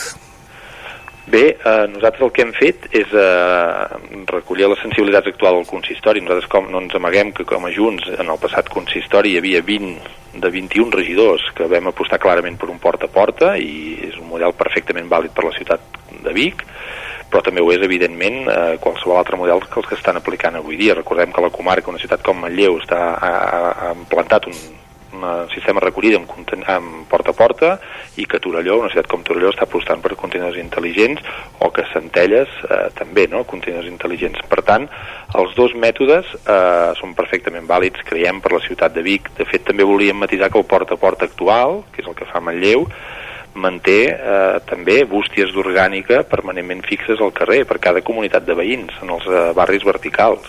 Això vol dir que barris com el barri nord de Vic que és molt dens i molt vertical, eh, un porta a porta mantindria uns petits contenidors, que en diem bústies, al carrer permanentment, de forma fixa, tancades també amb un xip. Per tant, estem parlant de matisos, de models important. El matís també reconeixem que les fraccions de, de multiproducte, de resta, doncs també apostaríem en aquesta proposta que vam anunciar ahir, també de mantenir els contenidors tancats amb un xip, de manera que només amb una targeta magnètica es puguin obrir, per tant és, un, és una diferència substancial, però volíem remarcar també que els porta a porta actual també mantenen aquesta fracció orgànica, com deia, amb aquestes bústies al carrer. Per tant, tots els models de recollida causen dificultats, eh, eh, responsabilitat del ciutadà en l'hora de recollir, més i millor, per tant, eh, insisteixo, creiem des de Junts que els dos models són vàlids. Ara bé, també doncs, vam anunciar ahir que fruit de l'acord de govern amb Ara Vic i dels mesos en què hem estat treballant-hi i veient també com li va a Manlleu, com, com li va a altres ciutats, eh, el que hem posat sobre la taula per començar a discutir doncs, és aquesta proposta del govern d'extendre el, el porta a porta en els barris eh, residencials i de passar aquest model de contenidors tancats en els barris densos. Uh, sí que hi ha un, el porta a porta és un sistema si més no, que ja fa més temps que, que es practica en diversos punts de, de Catalunya els resultats de seguida uh, són palpables. Uh, el dels contenidors xipats uh, és més recent. No sé si tenen dades també d'altres municipis on ja l'apliquin i que tinguin resultats similars al porta a porta Indiscutiblement el model porta a porta és el que obté uns millors resultats des d'un punt de vista ambiental, això és claríssim, i permet també doncs, arribar a un nivell mm, o més fàcilment el que ens demana Europa, és individualitzar la taxa de residus. És a dir, els ajuntaments el que hem de fer és implantar mesures per poder acabar cobrant a cada ciutadà el que li correspon. És a dir, qui fa bé la recollida, poder-li bonificar els retorns que suposa això en recuperació de materials i en els estalvis i les millores ambientals. I poder penalitzar llavors els ciutadans doncs, que, que no exerceixen la seva obligació de, de separar bé. Per tant, el model porta a porta és el que millor compleix eh, aquesta, aquesta directiva de poder arribar a aquest punt, per això nosaltres hi apostem clarament pels barris eh, residencials. I els contenidors intel·ligents, doncs, evidentment, eh, costa més arribar a aquesta individualització, tot i que podem, a, a través de la tecnologia es pot arribar també podem caminar cap a aquest, eh, cap a aquest objectiu, però eh, evidentment també volia deixar clar un altre concepte. Nosaltres en aquest govern, en aquest present mandat, hem analitzat totes les necessitats ambientals que tenim a la ciutat, i això ho explicarà la regidora i ho explicarà molt millor, no? Tenim el repte de la transició energètica, que eh, hem de fer moltíssima feina. Tenim el, el repte de l'adaptació a la ciutat al canvi climàtic, amb la jardineria, amb, tot el, amb tots els altres àmbits, amb l'estalvi d'aigua, estem patint una sequera extrema, per tant necessitem crear noves infraestructures per aprofitar millor l'aigua, per tant tenim molts reptes ambientals i en residus estem en una nota molt alta. Estem en una nota altíssima de totes les ciutats del país, per tant és evident que hem d'anar més encara i volem anar més, però ens ha semblat també que era el moment doncs, d'anar més amb un sistema que també ens ajudarà a millorar, però que ens permetrà doncs, focalitzar els esforços també en tots aquests altres reptes ambientals que té la ciutat. Agustí, Miquel, Ton, no sé si teniu alguna pregunta sobre aquest aspecte per adreçar l'alcalde. No, uh, alcalde, bon dia. Uh, bon dia. Hem, ho havíem comentat una mica, vull dir que és aquesta explicació. Nosaltres defensàvem la tesi, entenc, eh, la, la posició més institucional de l'alcalde, però nosaltres defensàvem aquí una mica la tesi que l'Ajuntament de Vic, amb aquest tema eh, ha marejat una mica la perdiu perquè recordàvem que fa 10 anys almenys ja en el mandat de l'alcalde Vila de Badal es venia que Vic seria la primera ciutat gran de Catalunya que faria el porta a porta allò en aquell moment es va aturar i el que ha fet Vic és guanyar temps. Guanyar temps per, per, per prendre segurament eh, la, la millor decisió però en funció també de les seves necessitats i de la tipologia de la ciutat perquè a diferència del que passava fa 10 anys en què allò, allò que no es va fer era una prova pilot, ara això està tastat i, sa i sabem els problemes que hi han en ciutats amb edificis verticals, cas de Manlleu, i sabem els avantatges que hi pot haver també amb altres sistemes, cas de Torelló, cas de Centelles, i per tant Vic el que ha fet és guanyar temps i tenir tots els elements per prendre la decisió que més li convingui. Ho veiem així. Correcte, a més jo faria un matís també Vic en aquests 10 anys, eh, a banda de veure aquests models que han evolucionat i que ara, per exemple, la fracció orgànica dels porta a porta ja s'està mantenint a carrer amb bústies tancades, per tant hauríem d'imaginar un carrer Verdaguer, Jacint Verdaguer, per exemple, una ronda Camprodon amb moltes bústies de totes les comunitats verticals permanentment a carrer, perquè cada, cada comunitat de més de 15 uh, pisos, uh, no, més de 15 veïns, doncs tindria una bústia al carrer, per tant això també és un matís que és una evolució, per tant també hem d'analitzar com s'estan aplicant els porta a porta avui dia, si ens convé o no, i jo anava a dir també la ciutat de Vic, per sort, el seu centre, eh, cada dia eh, tenim més activitat i durant més mesos. Eh, per tant, amb això que vull anar a parar, doncs si ens passegem per Vic a partir de la primavera i fins ben entrada la tardor, l'activitat a les terrasses de, de bars i els comerços és, és per sort encara eh, alta i per tant els sistemes de recollida nocturn porta a porta manual amb totes les fraccions a carrer en aquestes zones més comercials, també d'alguns eixos comercials dels barris, eh? però sobretot imaginem doncs, tot el centre no? amb activitat cultural a l'Atlàntida, tot el nou sector de Duberies, tota la plaça Major i Casc Antic, en totes aquestes zones per on circula moltíssima gent a peu a les hores de vespre, eh, el nou mapping del temple romà, no? una altra atracció turística. Per tant, una ciutat que creix en turisme, que cada dia tenim més gent al carrer, per tant, també és una cosa que haurem de plantejar-nos, no? quines hores de recollida i com la facilitem en aquests barris doncs, de més activitat nocturna o de vespres.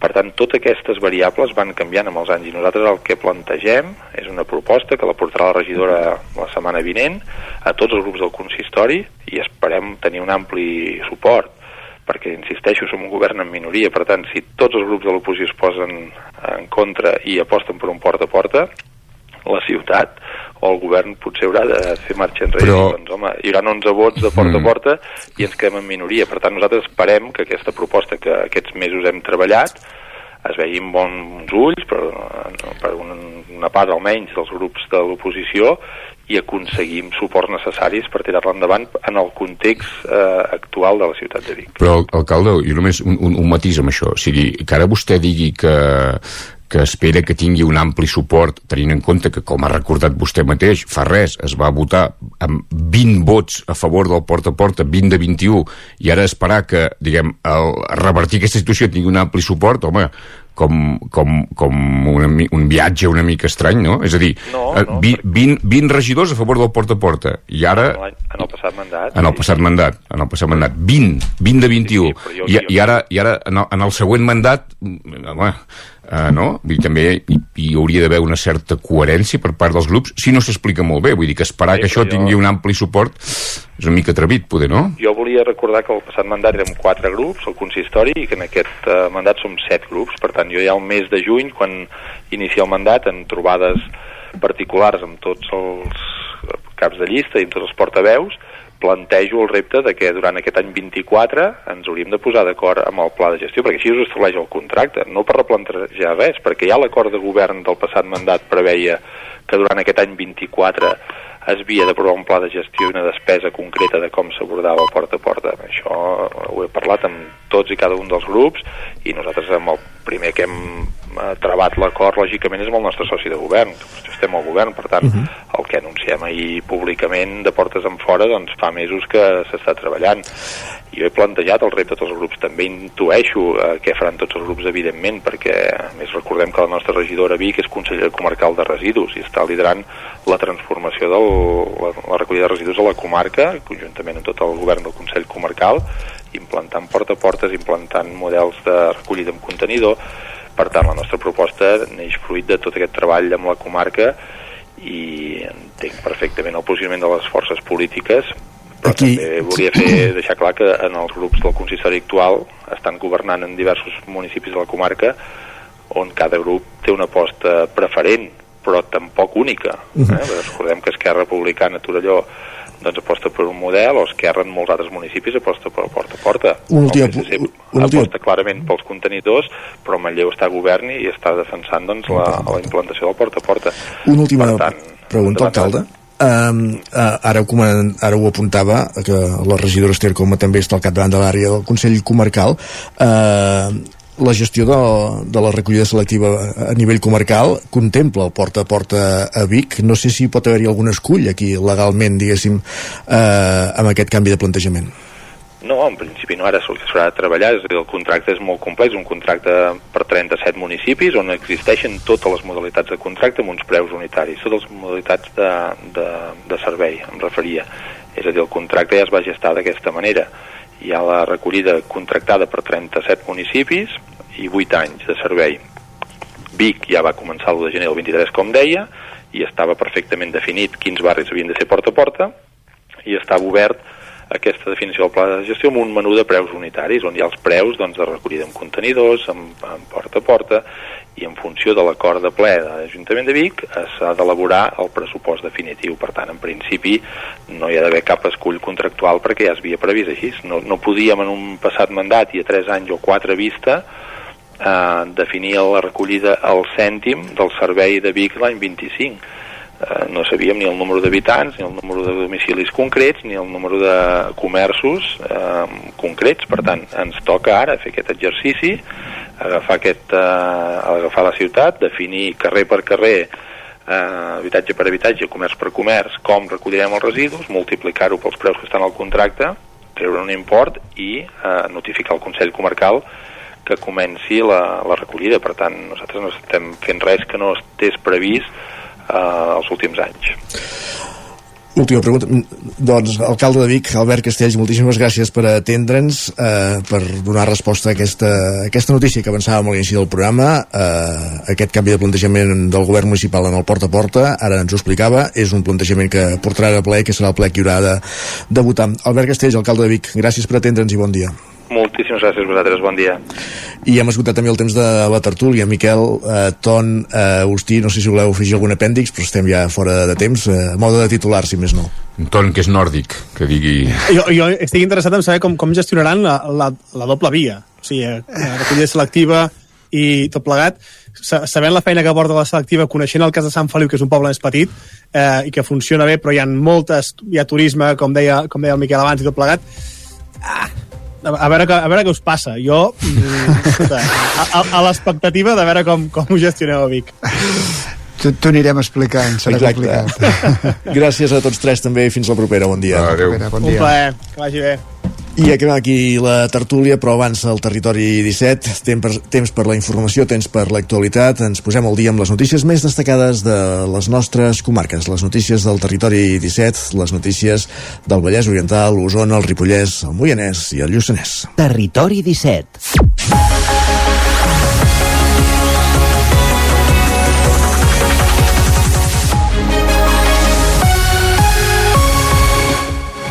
4 i mig que passen de les 10 del matí, la sequera i les altes temperatures obliguen a avançar els tractaments contra l'eruga processionària a Sant Feliu de Codines, Roger Ram, zona codinenca. Exacte, les elevades temperatures que estem visquent aquest hivern, més altes del que seria normal per l'època de l'any, aquesta setmana han fet començar les tasques per combatre la presència de l'eruga processionària aquí a Sant Feliu. Aquest insecte afecta principalment els pins i és altament tòxic a l'entrar en contacte tant amb humans com amb animals. Amb aquestes actuacions, que són habituals cada any amb l'arribada de la primavera, s'han hagut d'avançar també per la sequera, com també altres tasques que s'estan fent en espais públics. Maria Tur és la regidora de logística. Amb les altes temperatures d'aquest hivern i la sequera, la processionària s'ha avançat i les erugues surten abans del niu i es reprodueixen amb més facilitat. El canvi climàtic, la sequera i les altes temperatures estan alterant les feines estacionals dels serveis municipals. Mm, va passar el mateix amb la poda de les moreres. No arribava el fred, les fulles no s'assecaven i no queien i és per això que vàrem endarrerir la, les podes. Ara, eh, ara més que mai haurem d'estar atents a com la natura s'adapta al nou clima i també ho haurem de fer nosaltres en les tasques que fem, que fem mm, en el dia a dia a Sant Feliu. La brigada de jardineria de l'Ajuntament està treballant ja i ho continuarà fent en les properes setmanes en diversos punts del municipi, amb especial èmfasi en parcs infantils i lúdics i també en zones amb una densa vegetació. La regidora de Logística recorda, però, que en cas de detectar la presència d'aquests animals en propietats privades, cal retirar-los amb mitjans propis, ja que el consistori està aplicant aquests tractaments només en espais públics. En els últims dies s'han retirat una trentena de bosses de nius d'erugues, alguns nous i d'altres vells, eh, a la zona escolar i esportiva de titularitat municipal. S'estan realitzant tractaments eh, fitosanitaris eh, de xoc als parcs i als entorns dels equipaments municipals per eliminar la processionària i continuarem fent un tractament preventiu anual. I també m'agradaria recordar que en el cas de, de detectar bosses d'erugues en els arbres de terrenys particulars, li correspon al propietari retirar-les. En el marc d'aquesta campanya preventiva aquests dies s'està col·locant una senyalització especial en els punts on s'estan aplicant els productes fitosanitaris per tal que no es manipulin. Un nou itinerari per vianants i ciclistes connectarà la Roca del Vallès i la urbanització de la Pineda. Enric Rubio, Ràdio Televisió Cardedeu. Així és, Isaac, el projecte reprèn després que l'Ajuntament reclamés la seva execució a la Diputació de Barcelona, en el que ha suposat la primera reunió d'aquest mandat. Aquest itinerari per a vianants i bicicletes, que significarà la unió entre el municipi i l'urbanització de la Pineda d'una manera segura, es trobarà ubicat dins de la carretera BB-5001. Ara sí que sembla que tot està encarrilat perquè es faci realitat, ja que la Diputació de Barcelona ha licitat la redacció d'aquest projecte, permetent una mobilitat sostenible amb aquesta urbanització, que es troba aïllada del nucli de la Roca, en un punt on han succeït forces accidents i on els vehicles sovint superen la velocitat permesa. Amb la implementació d'aquesta nova ruta es podrà arribar en bicicleta o a peu a la parada d'autobús de l'entrada de Can Gurri, fet que millorarà la comunicació d'aquest indret amb les cases de Can Gurri i el nucli urbà. L'Ajuntament ha explicat que la notícia arriba després de que l'alcaldessa Marta Pujol i el regidor de la via pública Raül Cano ho reclamessin en la primera reunió amb la Diputació de Barcelona d'aquest mandat 2023-2027, tal com deien fa uns moments fet que ha permès recuperar la construcció d'aquest itinerari que es va començar a treballar l'any 2022 durant el mandat anterior.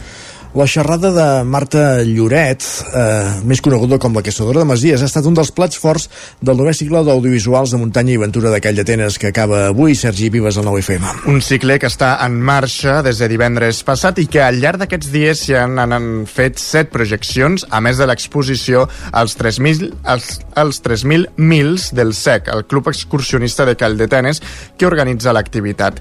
Des del Club GLR diu que estan satisfets de la consolidació del cicle. El fet és que creiem que ja que amb 9 anys estem agafant una mica el lloc i, i la gent ens coneix, sí que fem propaganda, per, per suposat, però ja la gent crec que sap que el mes de febrer, els dos últims divendres, doncs eh, al llarg d'aquests dos dies es fan eh, tot aquest seguit d'activitats, de, de projeccions, i, i sí, sí, ha sigut un èxit. La projecció que tancarà avui el cicle és Dues dones, una Patagònia, un documental que recull l'experiència de Txell Creus, de Sant Julià, i Bruna Vilarassau, de l'Esquirol, escalant durant tres mesos en aquesta regió entre Argentina i Xile. La projecció serà a partir de dos quarts de nou del vespre a l'Auditori Teatre de Caldetanes. El músic Sergi Carbonell farà una xerrada aquest divendres a Ripoll, eh, parlant de la seva etapa a Charango. Isaac Muntades, la veu de Sant Joan. El cantant de Ribes de Freser, Sergi Carbonell, exmembre de Charango, el grup del Ripollès que es va acomiadar dels escenaris el 2011, participarà aquest divendres a les 7 de la tarda a la Biblioteca Lambert Mata de Ripoll en un acte titulat La cançó proposta, que estarà moderat pel periodista cultural Xavi Castillón. L'acte serà una espècie de xerrada entrevista en el marc del cicle 78 revolucions per minut pel foment de la música a les biblioteques de la Diputació de Girona. Carbonell apuntava de què parlaran a la xerrada. La idea és explicar doncs, l'experiència que vam viure amb Charango en, en diferents viatges no?, que vàrem fer, d'acompanyar la nostra música en moments concrets, en situacions concretes on vàrem doncs, poder prendre consciència d'una realitat, portar tot allò que veiem cap aquí també, compartir-ho amb, amb tota la gent que ens seguia, doncs, quan vam estar als camps de refugiats a Grècia, a Croàcia, quan vam estar a Palestina, i com malauradament poc ha canviat o si ha canviat en alguns casos a pitjor. No? Nosaltres vam estar a Cisjordània fa 7 anys i, i avui Gaza està molt pitjor de, de quan estava fa 7 anys. No? Recentment, Carbonell ha publicat el seu nou disc, Crisàlida, un EP de 6 cançons que ha anat publicant per fascicles, una per setmana des de principis d'any. És un disc conceptual que explica una història i precisament les dues últimes cançons les va escriure per completar el trencaclosques. La dicotomia entre la concepció de l'esport modern com a negoci o com a passió va centrar la xerrada que el periodista esportiu i historiador Toni Padilla va fer dins el cicle de conferències a l'Oberta que organitza l'Associació d'Estudis Trollonencs, l'ADET, a Torelló, Sergi. La temàtica del cicle és la relació entre allò públic i allò privat, dualitat que es planteja en conferències dedicades a diferents àmbits. En la que se centrava en l'esport, Toni Padilla va explicar que per a un gruix important de la ciutadania l'esport es viu com una passió, però que també cada vegada més s'està convertint en un negoci per a representants de les èlits econòmiques que es converteixen, per exemple, en propietaris de clubs de futbol. Això, segons Padilla, pot provocar que hi hagi una desconnexió amb els aficionats. En canvi, considera que en pobles i barris de Catalunya hi ha exemples de la bona salut de l'esport concebut com a element comunitari i de relació social. És un moment de canvi, és un moment que l'esport, com està passant a tota la ciutat, està canviant molt i que, òbviament, hi ha moltes persones que el que prioritzen és fer calés, és omplir la caixa, omplir-se les butxaques. Altres persones encara defensen que l'esport està molt arrelat a les comunitats i, per tant, aposten per una via més romàntica, que de moment crec que encara aguanta amb prou bona salut, especialment a Catalunya. Estem veient amb molts joves que tornen als camps de futbol de barri, a Barcelona mateix passa amb el Sant Andreu a l'Europa, que tornen als pobles, als pavellons animals, equips que, que, que fan comunitat, però també hi ha molts joves que es deixen seduir per nous productes, tipus eh, els, els videojocs, els e-games, la Kings League, i que d'alguna forma la seva comunitat és virtual i prefereixen d'alguna forma doncs, connectar-se a través de les xarxes i oblidar-se del que els envolta físicament. La presència de Padilla, periodista conegut, va aixecar més expectació del que és habitual de les conferències de la DET. Gràcies, Sergi. Acabem aquí aquest repàs informatiu que començava amb el punt de les 10 en companyia de, de les 10 i algun minut en companyia de Sergi i Vives, Enric Rubio, Roger Rams i Isaac Muntades. Ara és moment de saludar de nou en Pep Acosta.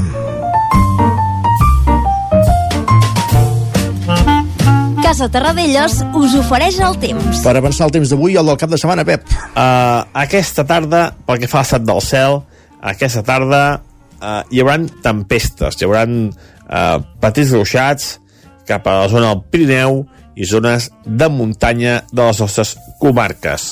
Les temperatures màximes més baixes que les d'ahir, uh, força més baixes que les d'ahir, uh, amb prou feina superarem els 13-14 graus eh, baixaran entre 8 i 10 graus la majoria de màximes a les zones de muntanya, Montseny, Transversal i Pirineu sobretot, temperatures àmpliament negatives durant tot el dia d'avui.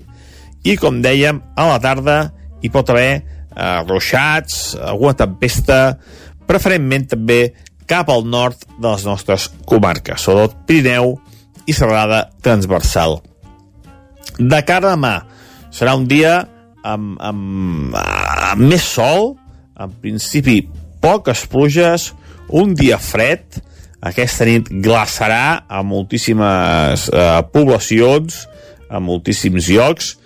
No crec, no crec que faci mal al camp. I aquesta glaçada crec que els hi farà poc mal.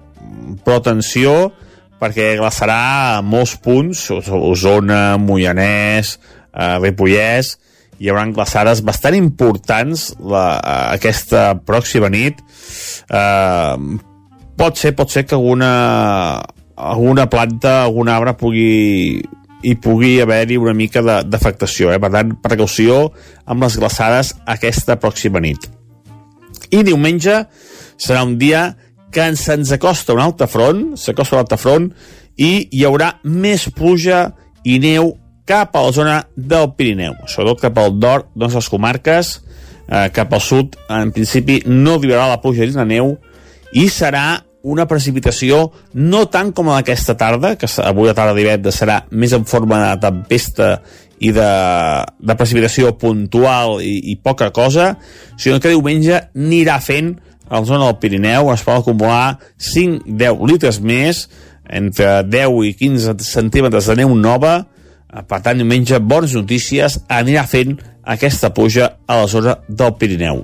Les temperatures també eh, a la línia de tot el cap de setmana, les màximes, eh, les que més pujaran pròximes als 15 graus, però la majoria de màximes quedaran per sota dels 10 graus. Eh? Per tant, un cap de setmana d'hivern, un cap de setmana de fred i un cap de setmana de precipitacions, sobretot aquesta tarda i diumenge cap al nord de les nostres comarques. Atenció també a l'última l'última cosa destacada perquè fa el temps, no tinc meteorològic, serà el vent. El vent avui, avui perdó, bufarà bastant fort, entrarà vent de nord, que és el que farà baixar les temperatures, i serà un vent eh, important a les zones de muntanya, eh, superiors a 80, 90, 100 km per hora. Eh? Vull dir, precaució també amb el vent aquest cap de setmana. Dilluns farem balanç de tot plegat, que hi era hora que es comenci a animar el temps i era hora que la cosa comenci a ser una mica eh, més emocionant. Moltes gràcies, adeu. Gràcies a tu, Pep. Estem tots avisats, avís per navegants. Bon cap de setmana i dilluns en parlem de tot plegat. Casa Tarradellas us ha ofert aquest espai. I ara ràpidament cap als esports.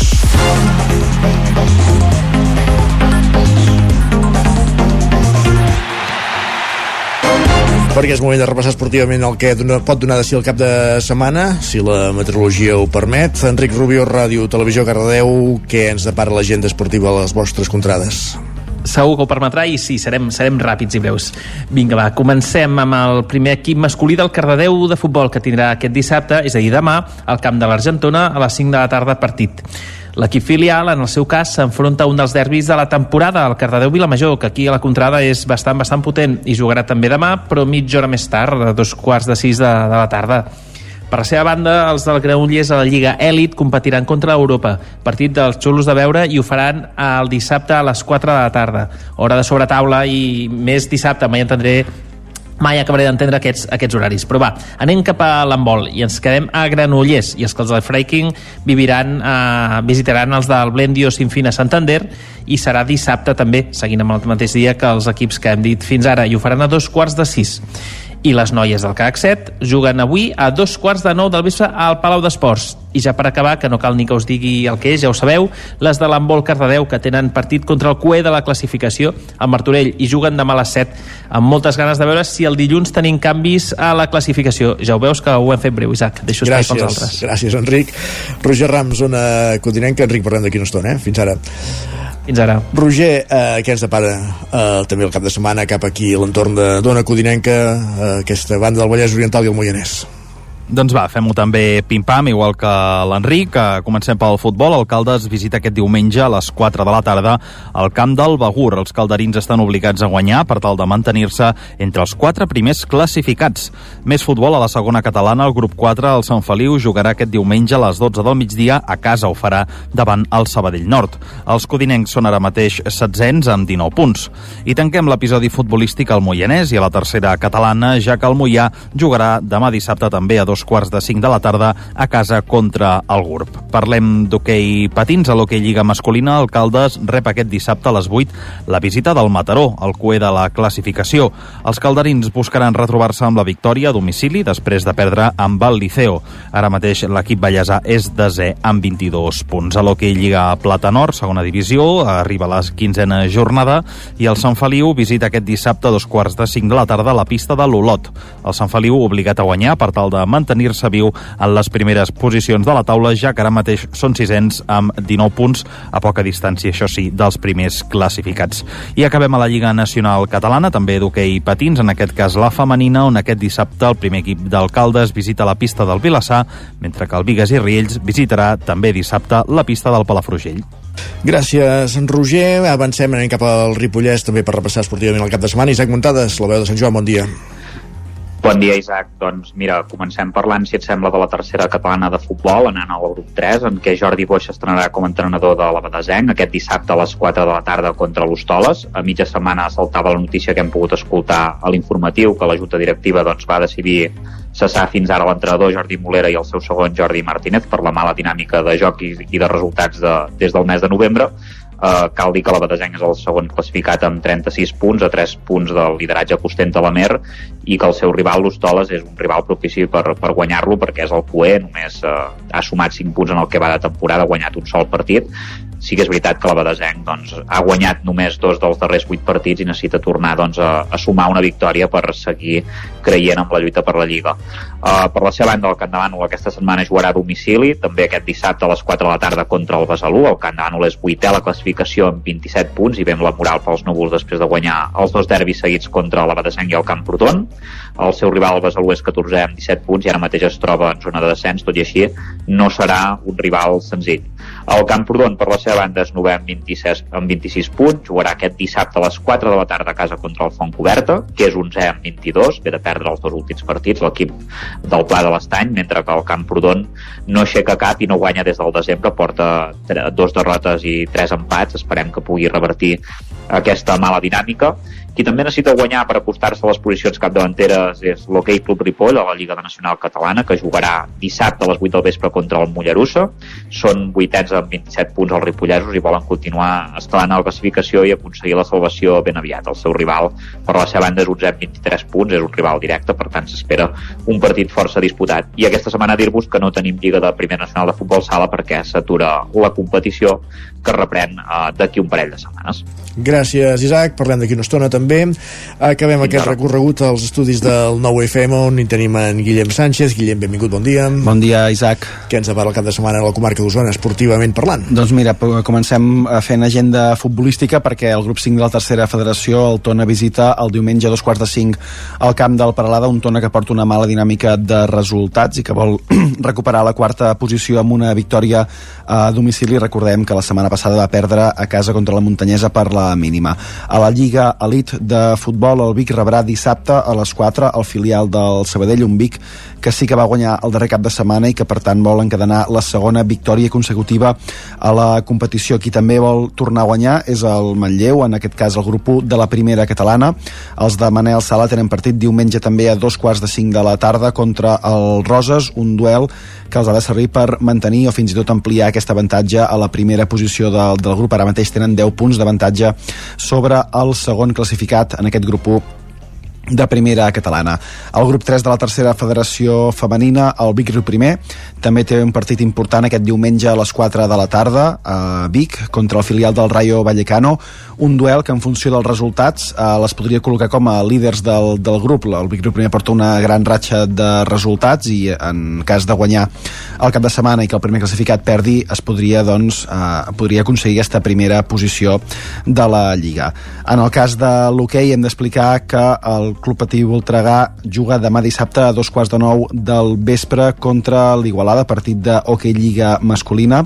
A l'hoquei Lliga Plata Nord, el Manlleu té partit demà dissabte a partir de les 8 del vespre contra el Dominicos intentant fer bona la última victòria en Lliga i per tant aconseguint un nou triomf que els faci escalar posicions a la classificació. El Patí Vic també té partit a casa, en aquest cas demà dissabte a partir de dos quarts de vuit contra l'Ordes, un rival que ara mateix és el cué de la classificació. Si canviem de grup i anem cap al grup sud de l'hoquei Lliga Plata, el Club Patí Taradell visita aquest dissabte a partir de dos quarts de sis al Club Patí Congrés, un Taradell que intentarà trencar la mala dinàmica que porta en Lliga són ja cinc jornades consecutives sense uh, guanyar. En el cas de l'hoquei patins uh, femení tenim duel del Martinelli a Manlleu contra el Cotràs aquest dissabte a les 5 de la tarda corresponent al grup C de la Champions League. Una victòria també combinada amb altres resultats podria fer que acabessin la fase de grups també en primera posició. Hem d'explicar també altres partits de l'àmbit poliesportiu del cap de setmana. En aquest cas el Club Bàsquet Vic Universitat de Vic que diumenge a partir d'un quart de set juga a la pista del Castell de Fels i també hem d'explicar altres eh, disciplines aquí a la, a la comarca, per exemple, que en el món del ciclisme aquest diumenge es disputa la 25a edició de la Copa Osona de bici trial, serà a partir de les 9 del matí a Santa Creu de Juglar a Olost, en totes les categories també amb l'estrena de l'elit masculina, és una prova puntuable per a la Copa Catalana de Trial. També tenim altres cites, Isaac, com per exemple sí. a Centelles tenim eh, una disciplina realment novedosa. Aviam, sorprèn-me. Tercera edició del torneig internacional de tir amb arc a cavall. Carai. Tir amb arc, no sé si l'has vist mai, eh? No, no. De fet, eh, no m'hi costaria gaire, però vaja, tot i que confio molt en els practicants. Evidentment, evidentment. Doncs mira, avui divendres, demà dissabte i el diumenge a l'Hípica de Can Vivet de Centelles hi haurà dos nivells de destresa i també competició en, cate en categoria júnior i també en categoria sènior. Per tant, tots els amants d'aquesta disciplina poden anar a veure aquesta competició des d'avui i durant el cap de setmana i també eh, hem d'explicar que aquest eh, diumenge, perdó, aquest dissabte a partir de les 10 del matí a la zona esportiva de Vilanova de Sau se celebra la primera edició del Ride Dakar de Radiocontrol. Ah. Una activitat en què participants que s'han dissenyat i s'han construït els seus propis cotxes de radiocontrol i camions, cotxes i camions, participaran en aquesta prova en format de resistència, és a dir, qui aguanti més estona eh, I han de passar proves, se'ls hi munta un circuit. Se'ls hi munta un circuit a la zona esportiva i, de fet, Eh, això... Quan dius zona esportiva entenc camp de futbol, bàsicament. En, entenc que és un, un, un terreny habilitat per poder-hi posar pujades, baixades, revolts i que els cotxes puguin anar a una certa velocitat també sense, sense fer mal a, a gaire ningú. També hem de dir que el mes d'abril a Vilanova de Sau s'hi disputarà una prova puntuable del Campionat d'Espanya de rally també en aquesta modalitat de radiocontrol. Carai, tu, o Per sigui que tant, és una bona manera d'estrenar-se aquest di dissabte per veure si tot funciona bé i que estigui ja tot eh, amb l'engranatge eh, polit per al, per al mes d'abril. Doncs coses curioses, si més no, banda de tota l'activitat esportiva, tant el tir amb arc amb cavall com aquesta, aquestes radiocontrol. proves de radiocontrol són és, també Curioses, curioses. curioses, si més no. Res més, eh, Guillem? Ho deixem aquí. Doncs moltíssimes gràcies. Va, que vagi molt bé. Fins ara. I nosaltres que avancem al territori 17 ja ens espera en Jaume Espuny, ha arribat als estudis del 9FM, com no podia ser d'altra manera que amb un disc sota el braç, un disc dels Rolling Stones, que repassarem, que escoltarem a partir de dos quarts d'onze en punt aquí al territori 17. Abans, però, una petitíssima pausa. Re, tres minutets. I tornem ara mateix. El nou FM, la ràdio de casa, al 92.8. La qualitat de les teves impressions és important per tu? Estàs cansat que els colors i les imatges no surtin com t'esperes? A Impremta Mater disposem de la tecnologia més avançada i els millors professionals per aconseguir impressions d'alta qualitat. Fem tota classe d'impresos amb acabats professionals. Llibres, catàlegs, revistes, tesis, calendaris, enquadernacions... I, a més, disposem del servei d'impressió digital en gran format. Roll-ups, lones, pòsters i molt més. Impremta Mater. Ens trobaràs a la carretera de Sant Hipòlit 23 de Vic o impremtamater.com. Ho han dit avui, al 9FM? Ai, no ho he pas sentit. Tot té solució. Recupera programes, seccions i entrevistes del 9FM al 9FM.cat. Des de ben petit tindré un somni que és obrir un restaurant. Han sortit moltíssims llibres. Et demanen dades que, per altra banda, l'administració ja hauria de tenir. I ja no com a ramadera, sinó com a ciutadans. Nosaltres intentem que tothom pugui marxar amb un croissant. Hi trobaràs també tots els nostres podcasts. L'infopodcast del 9-9, cada matí a partir de dos quarts de vuit.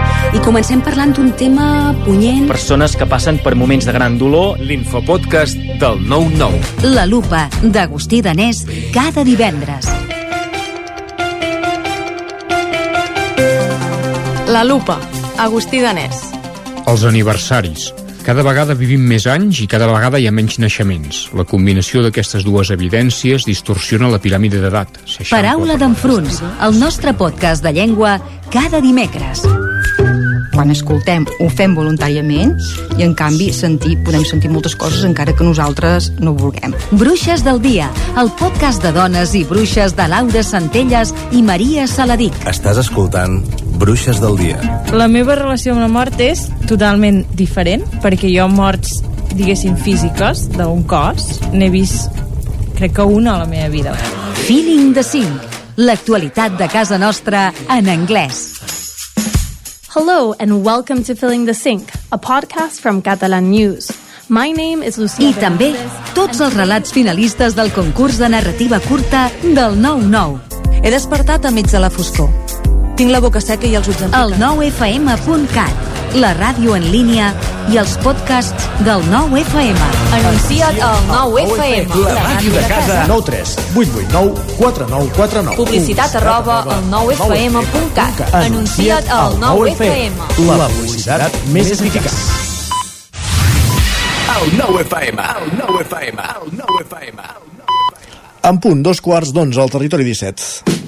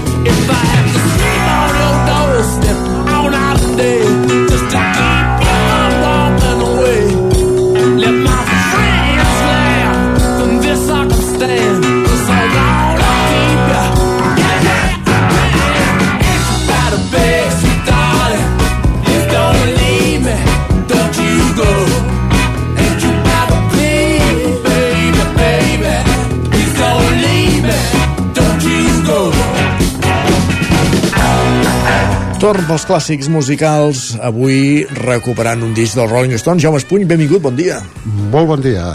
No, no, és que encara estic colpit perquè el Mick Jagger i el Kate Richards ja han fet 80 anys. 80. I, i m'he preguntat, i fa mig segle, 50, fa 50 anys, què feien? Doncs estaven gravant aquest disc que sortiria al cap d'uns quants mesos. Aleshores en tenien 30, vols dir, eh? En tenien 30 només, sí. Imagina't. Sí, sí. De fet, jo ja els veia una mica grans, per això. Veus? Sí, con, uh, Sempre han sigut més grans que tu, això ho tenen, Exactament, si ets més jove... Doncs aquest disc es diu exactament mm, It's Only Rock and Roll. Només és rock and roll. Uh -huh. Jo diria que és el penúltim disc excel·lent del Rolling. És Què vols dir? És l'any 74, esclar, Els, els, 50 els altres anys. són notables, vols dir? Eh? Els altres són notables. Sí, o, mm, però aquest és el, el, el penúltim. L'últim va ser l'any 78, Some Girls. Uh -huh. Després ja van anar baixant. De fet, l'anterior d'aquest, el What's Head Soup, eh, tot i que hi ha Angie, aquesta famosa Angie, sí. doncs ja havien baixat una mica, eh? Però bueno... Però clar, no es pot mantenir una carrera de 60 anys eh, sense estar Exactament, no, no, tot, vull dir, déu-n'hi-do, eh? Però, bueno, al final també cansen una mica, però no, no, aquests discos eren coneguts. Ara podem escoltar la cançó famosa del disc que es diu It's Only Rock and Roll, entre parèntesi I like it, que vol dir m'agrada.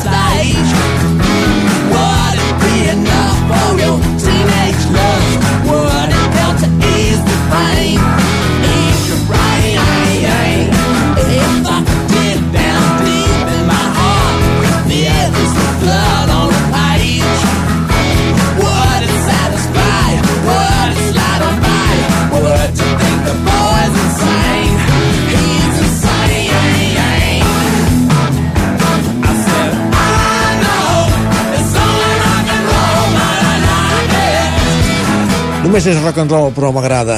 Sí, però m'agrada. Només és rock and roll, però m'agrada, sí. Eh, eh, un so una mica... Bueno, el típic so del Rolling, aquí, eh? Sí. So una mica brut i... Els...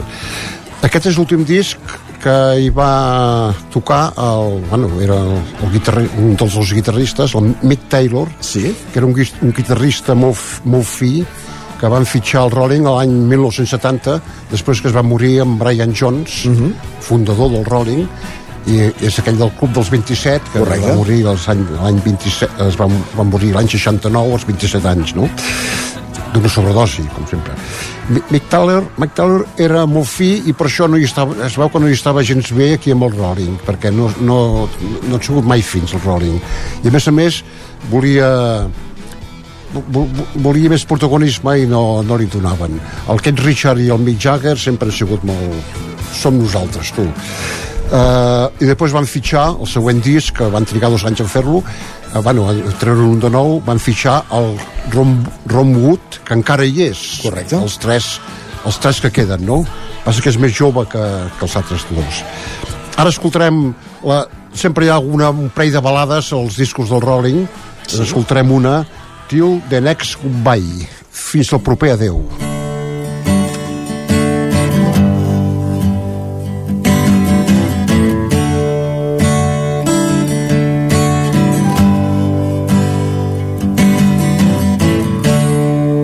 is there any place that you would like to eat? I know a coffee shop down on 52nd Street. And I don't need no fancy food and I don't need no fancy wine. And the show don't need the tears you cry. Till the next time say goodbye. Till the next time we say goodbye. Till the next time we say goodbye. I've been thinking of you.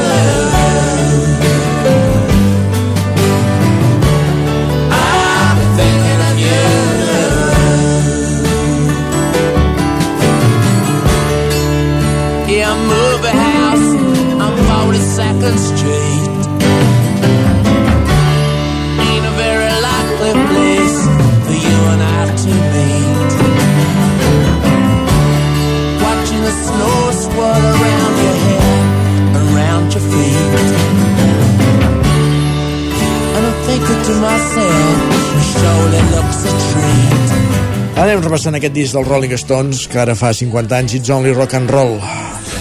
Sí, uh, hi ha molta presència de piano sí? en aquest disc uh, hi ha quatre pianistes Carai. no, no toquen tots, tots de cop eh? vull dir, cada cançó van canviant uh, hi, ha, el, hi ha els, des, els que tocaven acostumaven a tocar amb els Rolling Stones la, el Jan Stewart que tocava des del principi de l'any 63 i el Nicky Hopkins però a més a més hi ha també en alguna cançó amb Billy Preston que Billy Preston era conegut com el cinquè Beatle sí. perquè va, va formar part del, de l'Abbey Road i del Let It Be dels discos i, i en Jack Nicks eh, un arranjador i pianista de molts discos del, del Neil Young a més a més Jack Nicks va guanyar un Oscar em sembla per una cançó etc.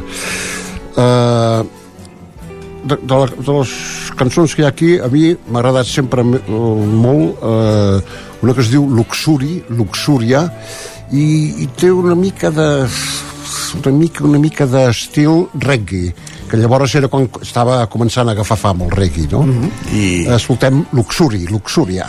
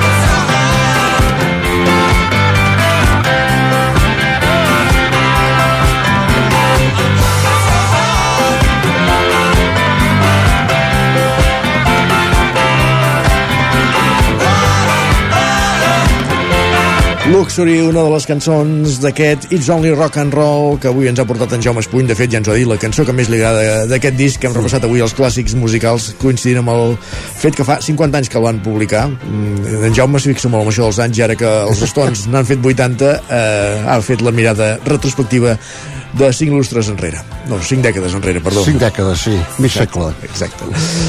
Gràcies, Jaume. Molt bé. Fins la Fins setmana la setmana vinent. ve. Bon cap de setmana. Home, I gràcies. nosaltres, parlant de cap de setmana, el que ens interessa ara és saber què podem fer aquest cap de setmana al nostre entorn. Per tant, el que fem és repassar l'agenda d'actes en roda per les emissores del Territori 17. Territori 17. Dos i mig i seran tres quarts d'onze del matí.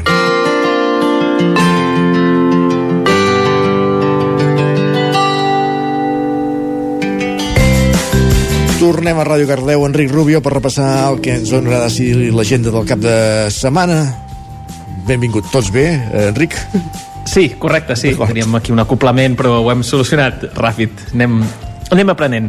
Mira, per doncs, uh, no tenim gaire cosa, però, però ens centrarem en Cardedeu, com normalment fem, així que també som una mica descuets i deixaré temps als, als meus companys, que sé que avui anem un palet apretats de- de- d'hora.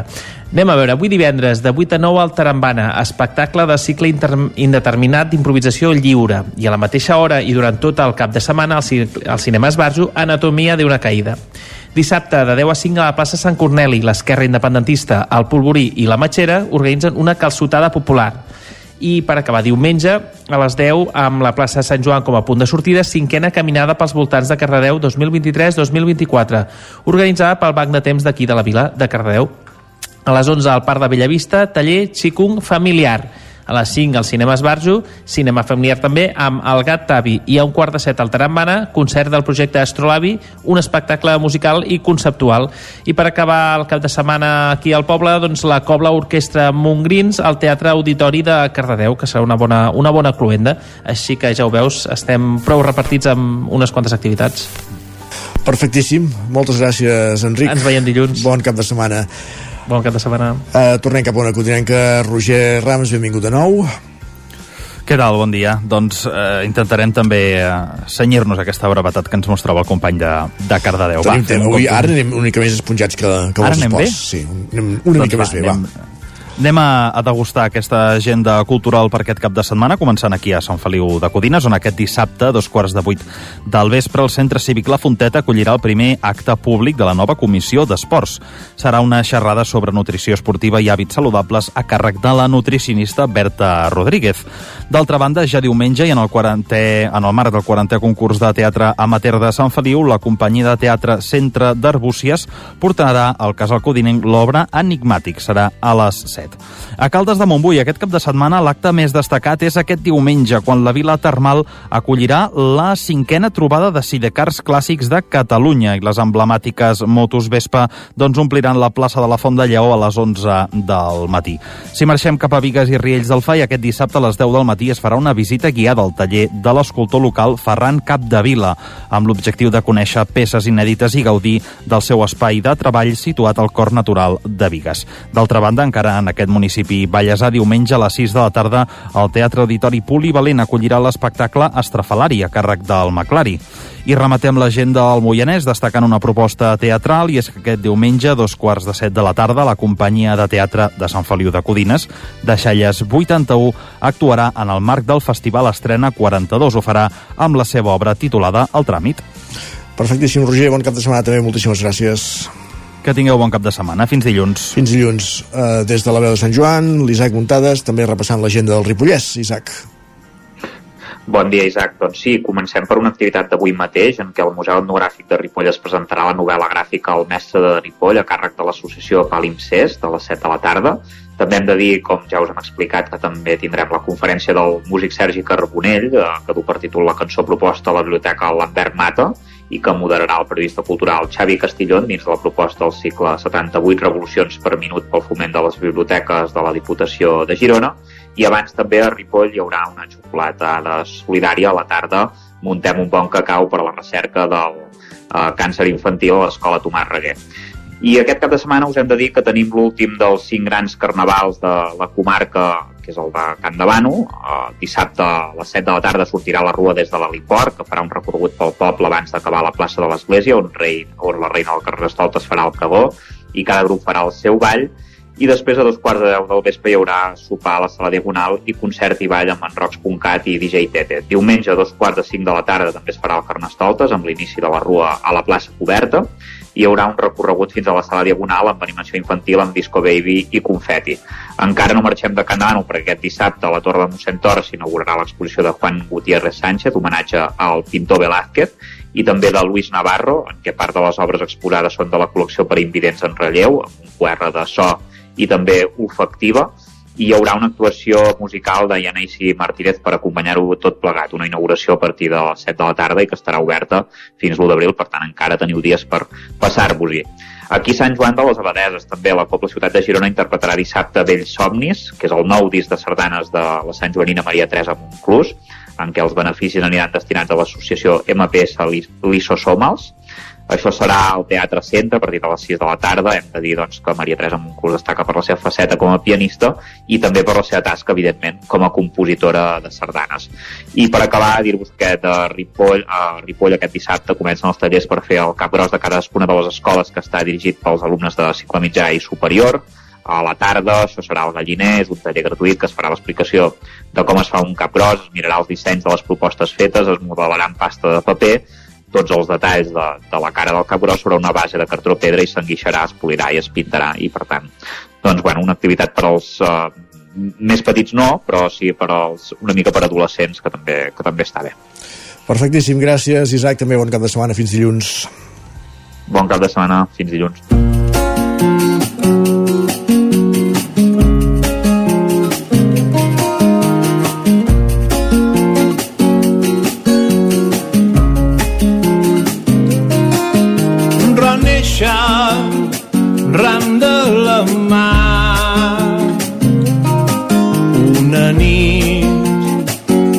A Trandalbada I com ens agrada escoltar la veu del músic de Ciutadella, Cris Joanico, que Jordi Vilarrodà, Miquel R, benvinguts, bon dia. Jordi, dia. serà Bon dia. dissabte a Manlleu. Efectivament, està molt bé que haguem començat amb en Cris Joanico perquè, perquè ha fet un... Deu, deuen ser ciutadellencs, oi? Em sembla que és ciutadellenc. bueno, sí, sí, és igual. ciutadellencs, em sembla, sí. Ell és uh, menorquí de Ciutadella, que no és el mateix que ser menorquí d'algun altre lloc. Uh, a veure, uh, en Cris Joanico ha fet un uh, treball preciós, però és que és preciós, amb tot. O sigui, amb les cançons és amb la forma de presentar-lo, que és un llibre disc que es diu Cançons de xerxa. Xerxa, qui hagi estat a Menorca mm, sabrà que allà és xarxa, una xarxa de pescar, per exemple, diu xerxa allà. Però xerxa, Pere Xerxa, era el pseudònim, el nom literari d'un poeta menorquí, d'en Joan Francesc López Casasnovas, que va morir ara fa dos anys, eh, més aviat del compte, encara no tenia 70 anys, i que havia estat, a més a més, un professor d'en Cris Joanico, i ell va semblar, li va semblar que li havia de dedicar algun homenatge. Té molta poesia inèdita, encara en té de publicada, però d'inèdita. Va agafar eh, 10 poemes, els hi va posar música, va agafar tot un pilot de músics de, de, de Menorca, eh, sobretot en Lluís Gené al baix, en Moisès Pellegrí a les percussions, eh, i després també molts altres músics, i va fer un disc, llibre disc, on es poden llegir els poemes, es poden llegir bé, o sigui, no amb la mida d'un CD, sinó amb una mida en què no necessitem una lupa per llegir-los, eh, està molt ben dissenyat i, a més a més, doncs, ha fet aquestes cançons. I la gràcia de això és que, a més a més, demà dissabte les presenta a l'Espai Rossinyol de Manlleu un concert a les 7 de la tarda amb banda, o sigui, bé. fa tota la gira amb banda, després l'acabarà el Festival Barnassans, o, o serà una etapa, perquè segur que l'estiu tornarà a fer molts concerts d'aquest treball, i creieu-me que val molt la pena. Hi ha una part d'arrel en la música d'en Cris Joanico, perquè és molt menorquí tot el, tot el que parla, però sense arribar al folklore, com esteu sentint, no? I crec que és una de les re- recomanacions que podem fer, a part de que en Cris Joanico, mira, per aquelles coses ens cau molt bé, l'ex-líder del Ja t'ho diré, del Mena ja trobat, etc etc. doncs eh, recomanadíssim. Oh, i tant, com sí. Eh, fem més recomanacions. Per exemple, avui en Guillem Roma serà a la Tona dintre la gira del seu últim disc, però també amb un concert especial perquè anirà acompanyat de tota la seva banda amb col·laboracions a l'Escola de Música de Tona, amb el Cornàiades, a l'Escola de Música ha estat treballant cançons seves, serà un concert especial que es farà a la sala de la Canal a les 8 del vespre. Però demà també hi ha una cosa molt interessant i molt curiosa. Quina? que és a Torelló, que és el Sirviano. I a dos quarts d'una del migdia hi ha un concert de música d'un espectacle pensat per nadons. Carai. Eh, treballat també amb l'Escola de Música de Manlleu, eh, amb l'especialista en educació musical d'edats primerenques, és sobretot pensat per famílies que tenen infants d'un i dos anys, eh? i que reaccionen amb la música. Jo he estat en un concert d'aquests, no, no aquest, però vaig quedar parat de la interacció que es produeix amb nens que gairebé encara no saben ni parlar, però la, la reacció que hi ha amb la música. I el concert es diu Kabuki, eh, s'hi pot anar doncs, demà a dos quarts d'una del migdia al Sirviano, evidentment evidentment tothom que tingui canalla d'aquesta edat, però no moure'ns del Sirviano també podem dir que eh, Producciones Illana, que és una companyia de Madrid que els espectadors del Sirviano ja el coneixen molt bé perquè ja ha passat com a mínim un parell de vegades i torna diumenge a les 6 de la tarda amb una creació que es diu Trash, o Trash Escombraries. El reciclatge d'escombraries dona peu a un espectacle com els que fan Illana amb humor, música, amb crítica. És, és un festival de, de passar-s'ho bé qualsevol espectacle dels Illana. Eh, Ara anem al Sirvi- a l'Atlàntida, venim del Sirvià, anem a l'Atlàntida. A l'Atlàntida de Vic aquest vespre, mm, però mm, us ho diem, eh, només ja no queden entrades, si no és per un miracle. Uh, la plaça del Diamant que va fer el TNC, amb una versió que va dirigir la Carlota Subirós, l'adaptació de la novel·la de Mercè Rodoreda, que se'n va parlar molt, per què? Perquè ella va agafar eh, 11 actrius i el paper de la Colometa, que allà no li diu Colometa sinó Natàlia, que era el nom de, de, de la protagonista realment, eh, l'interpreten 11 actrius. És, és un mateix personatge fet per 11 veus diferents, per dones actrius de diferents procedències, una que fa música en directe també, que és la Clara Aguilar i per tant és una versió que- d'aquestes que molt d'autor mm, respectant la Mercè Rodoreda però, però va, se'n va parlar molt d'aquesta versió i arriba aquí a l'Atlàntida. També el diumenge a l'Atlàntida hi haurà cinc corals de gent gran d'Osona que participen en una nova edició del Canta Gran. La de l'aula de universitària d'extensió universitària per la gent gran, les veus al Ter de Manlleu, la vella companyia de Ceba, les veus de Call Atenes i la coral, coral Arrels, que és la del casal mossèn Guiteres de Vic. Han treballat un repertori, una peça i l'ofereixen conjuntament en aquest gran concert que serà el diumenge. I ara ja gairebé doncs, ja no ens queda res més. Només voldríem fer una recomanació perquè avui veureu que és una entrevista eh, extensa al, al nou. Aquesta no és uh, una obra que es faci aquí, però sobretot abans del dia 17 de març aneu a veure Macbeth de Shakespeare al Teatre Lliure a Barcelona amb l'Ernest Villegas fent el paper de Macbeth, que és un dels grans papers del teatre de Shakespeare, un dels grandíssims, un protagonista usonenc, i, i molt, molt, molt recomanable perquè aquesta obra no sortirà de gira i no la veurem aquí a la comarca. Per això avui l'hem portat aquí a la secció. Doncs val la pena recomanar-ho també. Gràcies Jordi. Miquel, què més ens depara el cap de setmana? Doncs mira, que a qui no li agradin els carnavals, tres tasses, perquè eh, viurem aquest cap de setmana ja l'últim repicó de carnavals. Ens en parlava l'Isaac també de Camp de Bànol. Doncs a Osona tenim eh, tres propostes de rues. Eh, anem a Pams, doncs, a Fulgaró. Totes són dissabte a la tarda, per tant, no compatibles una amb les altres, però sí per, per, per atreure, si cal, els pobles veïns. Fulgaroles, eh, la primera a les 6 de la tarda, trobada de les, de, dels participants a la plaça dels Picapedrers i acabaran un parell d'hores després, més o menys, amb una, amb una botifarrada popular a la pista. A Viladrau, eh, la, la rua, els participants eh, estan concentrats a quarts de set de la tarda al carrer Pirineus i finalitzarà a la plaça Major on hi haurà el lliurament de, lliurament de premis. Recordem que en el cas de Viladrau de setmana passat ja va haver-hi la rua infantil, en aquest cas toca la d'adults. I finalment a Sant Bartomeu del Grau, sortida de, la, de les comparses a les 5 de la tarda de la plaça del Casal i eh, amb una vetllada, en aquest cas eminentment familiar, perquè comptarà també amb l'animació infantil del Gil Ratataplam. Eh, recordar finalment també que hi ha encara una última oportunitat per eh, apuntar-se a una ruta d'aquestes singulars, una ruta eh, teatralitzada a l'entorn de la Guerra Civil que ha ideat el guia turístic Xavier Cervera. Se n'han fet ja 4 o 5 sessions, l última es fa aquest diumenge a quarts de 8 del vespre, cal reserva prèvia, no sé si encara trobarem alguna entrada, però serà complicat ja. Gràcies, Miquel, gràcies, Jordi. Hem començat la secció escoltant música de Cris Jonico, demà a Malleu, però en Jordi també ens apuntava que avui a Tona hi ha Guillem Roma, per tant marxem també amb Guillem Roma, amb música. Jordi, Miquel, gràcies i bon cap de setmana a tots dos. Bon cap de setmana, Bon cap de setmana. La tota vibra, la vida que hem tingut i també la que vindrà. Ah.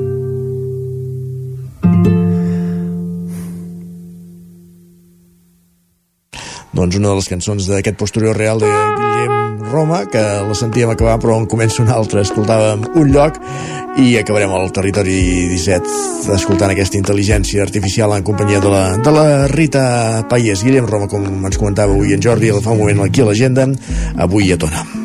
de nuestra conexión. Y cuando nadie se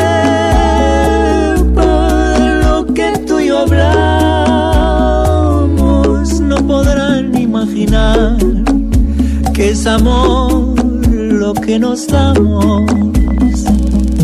No quedarán escritas las palabras bonitas que habremos inventado para decirnos te amo. Amb Guillem Roma acaba el territori 17 d'avui divendres, 23 de febrer de 2024. Hem començat a les 9 del matí i us hem acompanyat des d'aquella hora eh, Pepa Costa, Agustí Danés, Miquel R, Ton Falqués, Roger Rams, Enric Rubio, Isaac Muntades, Guillem Sánchez, Jaume Espuny, Miquel R, Jordi Vilarrodà, Sergi Vives i Isaac Marino. El Territori 17 hi torna dilluns. Fins aleshores, gràcies per ser-hi, bon cap de setmana a tothom i aneu en compte amb la meteorologia. Adéu-siau.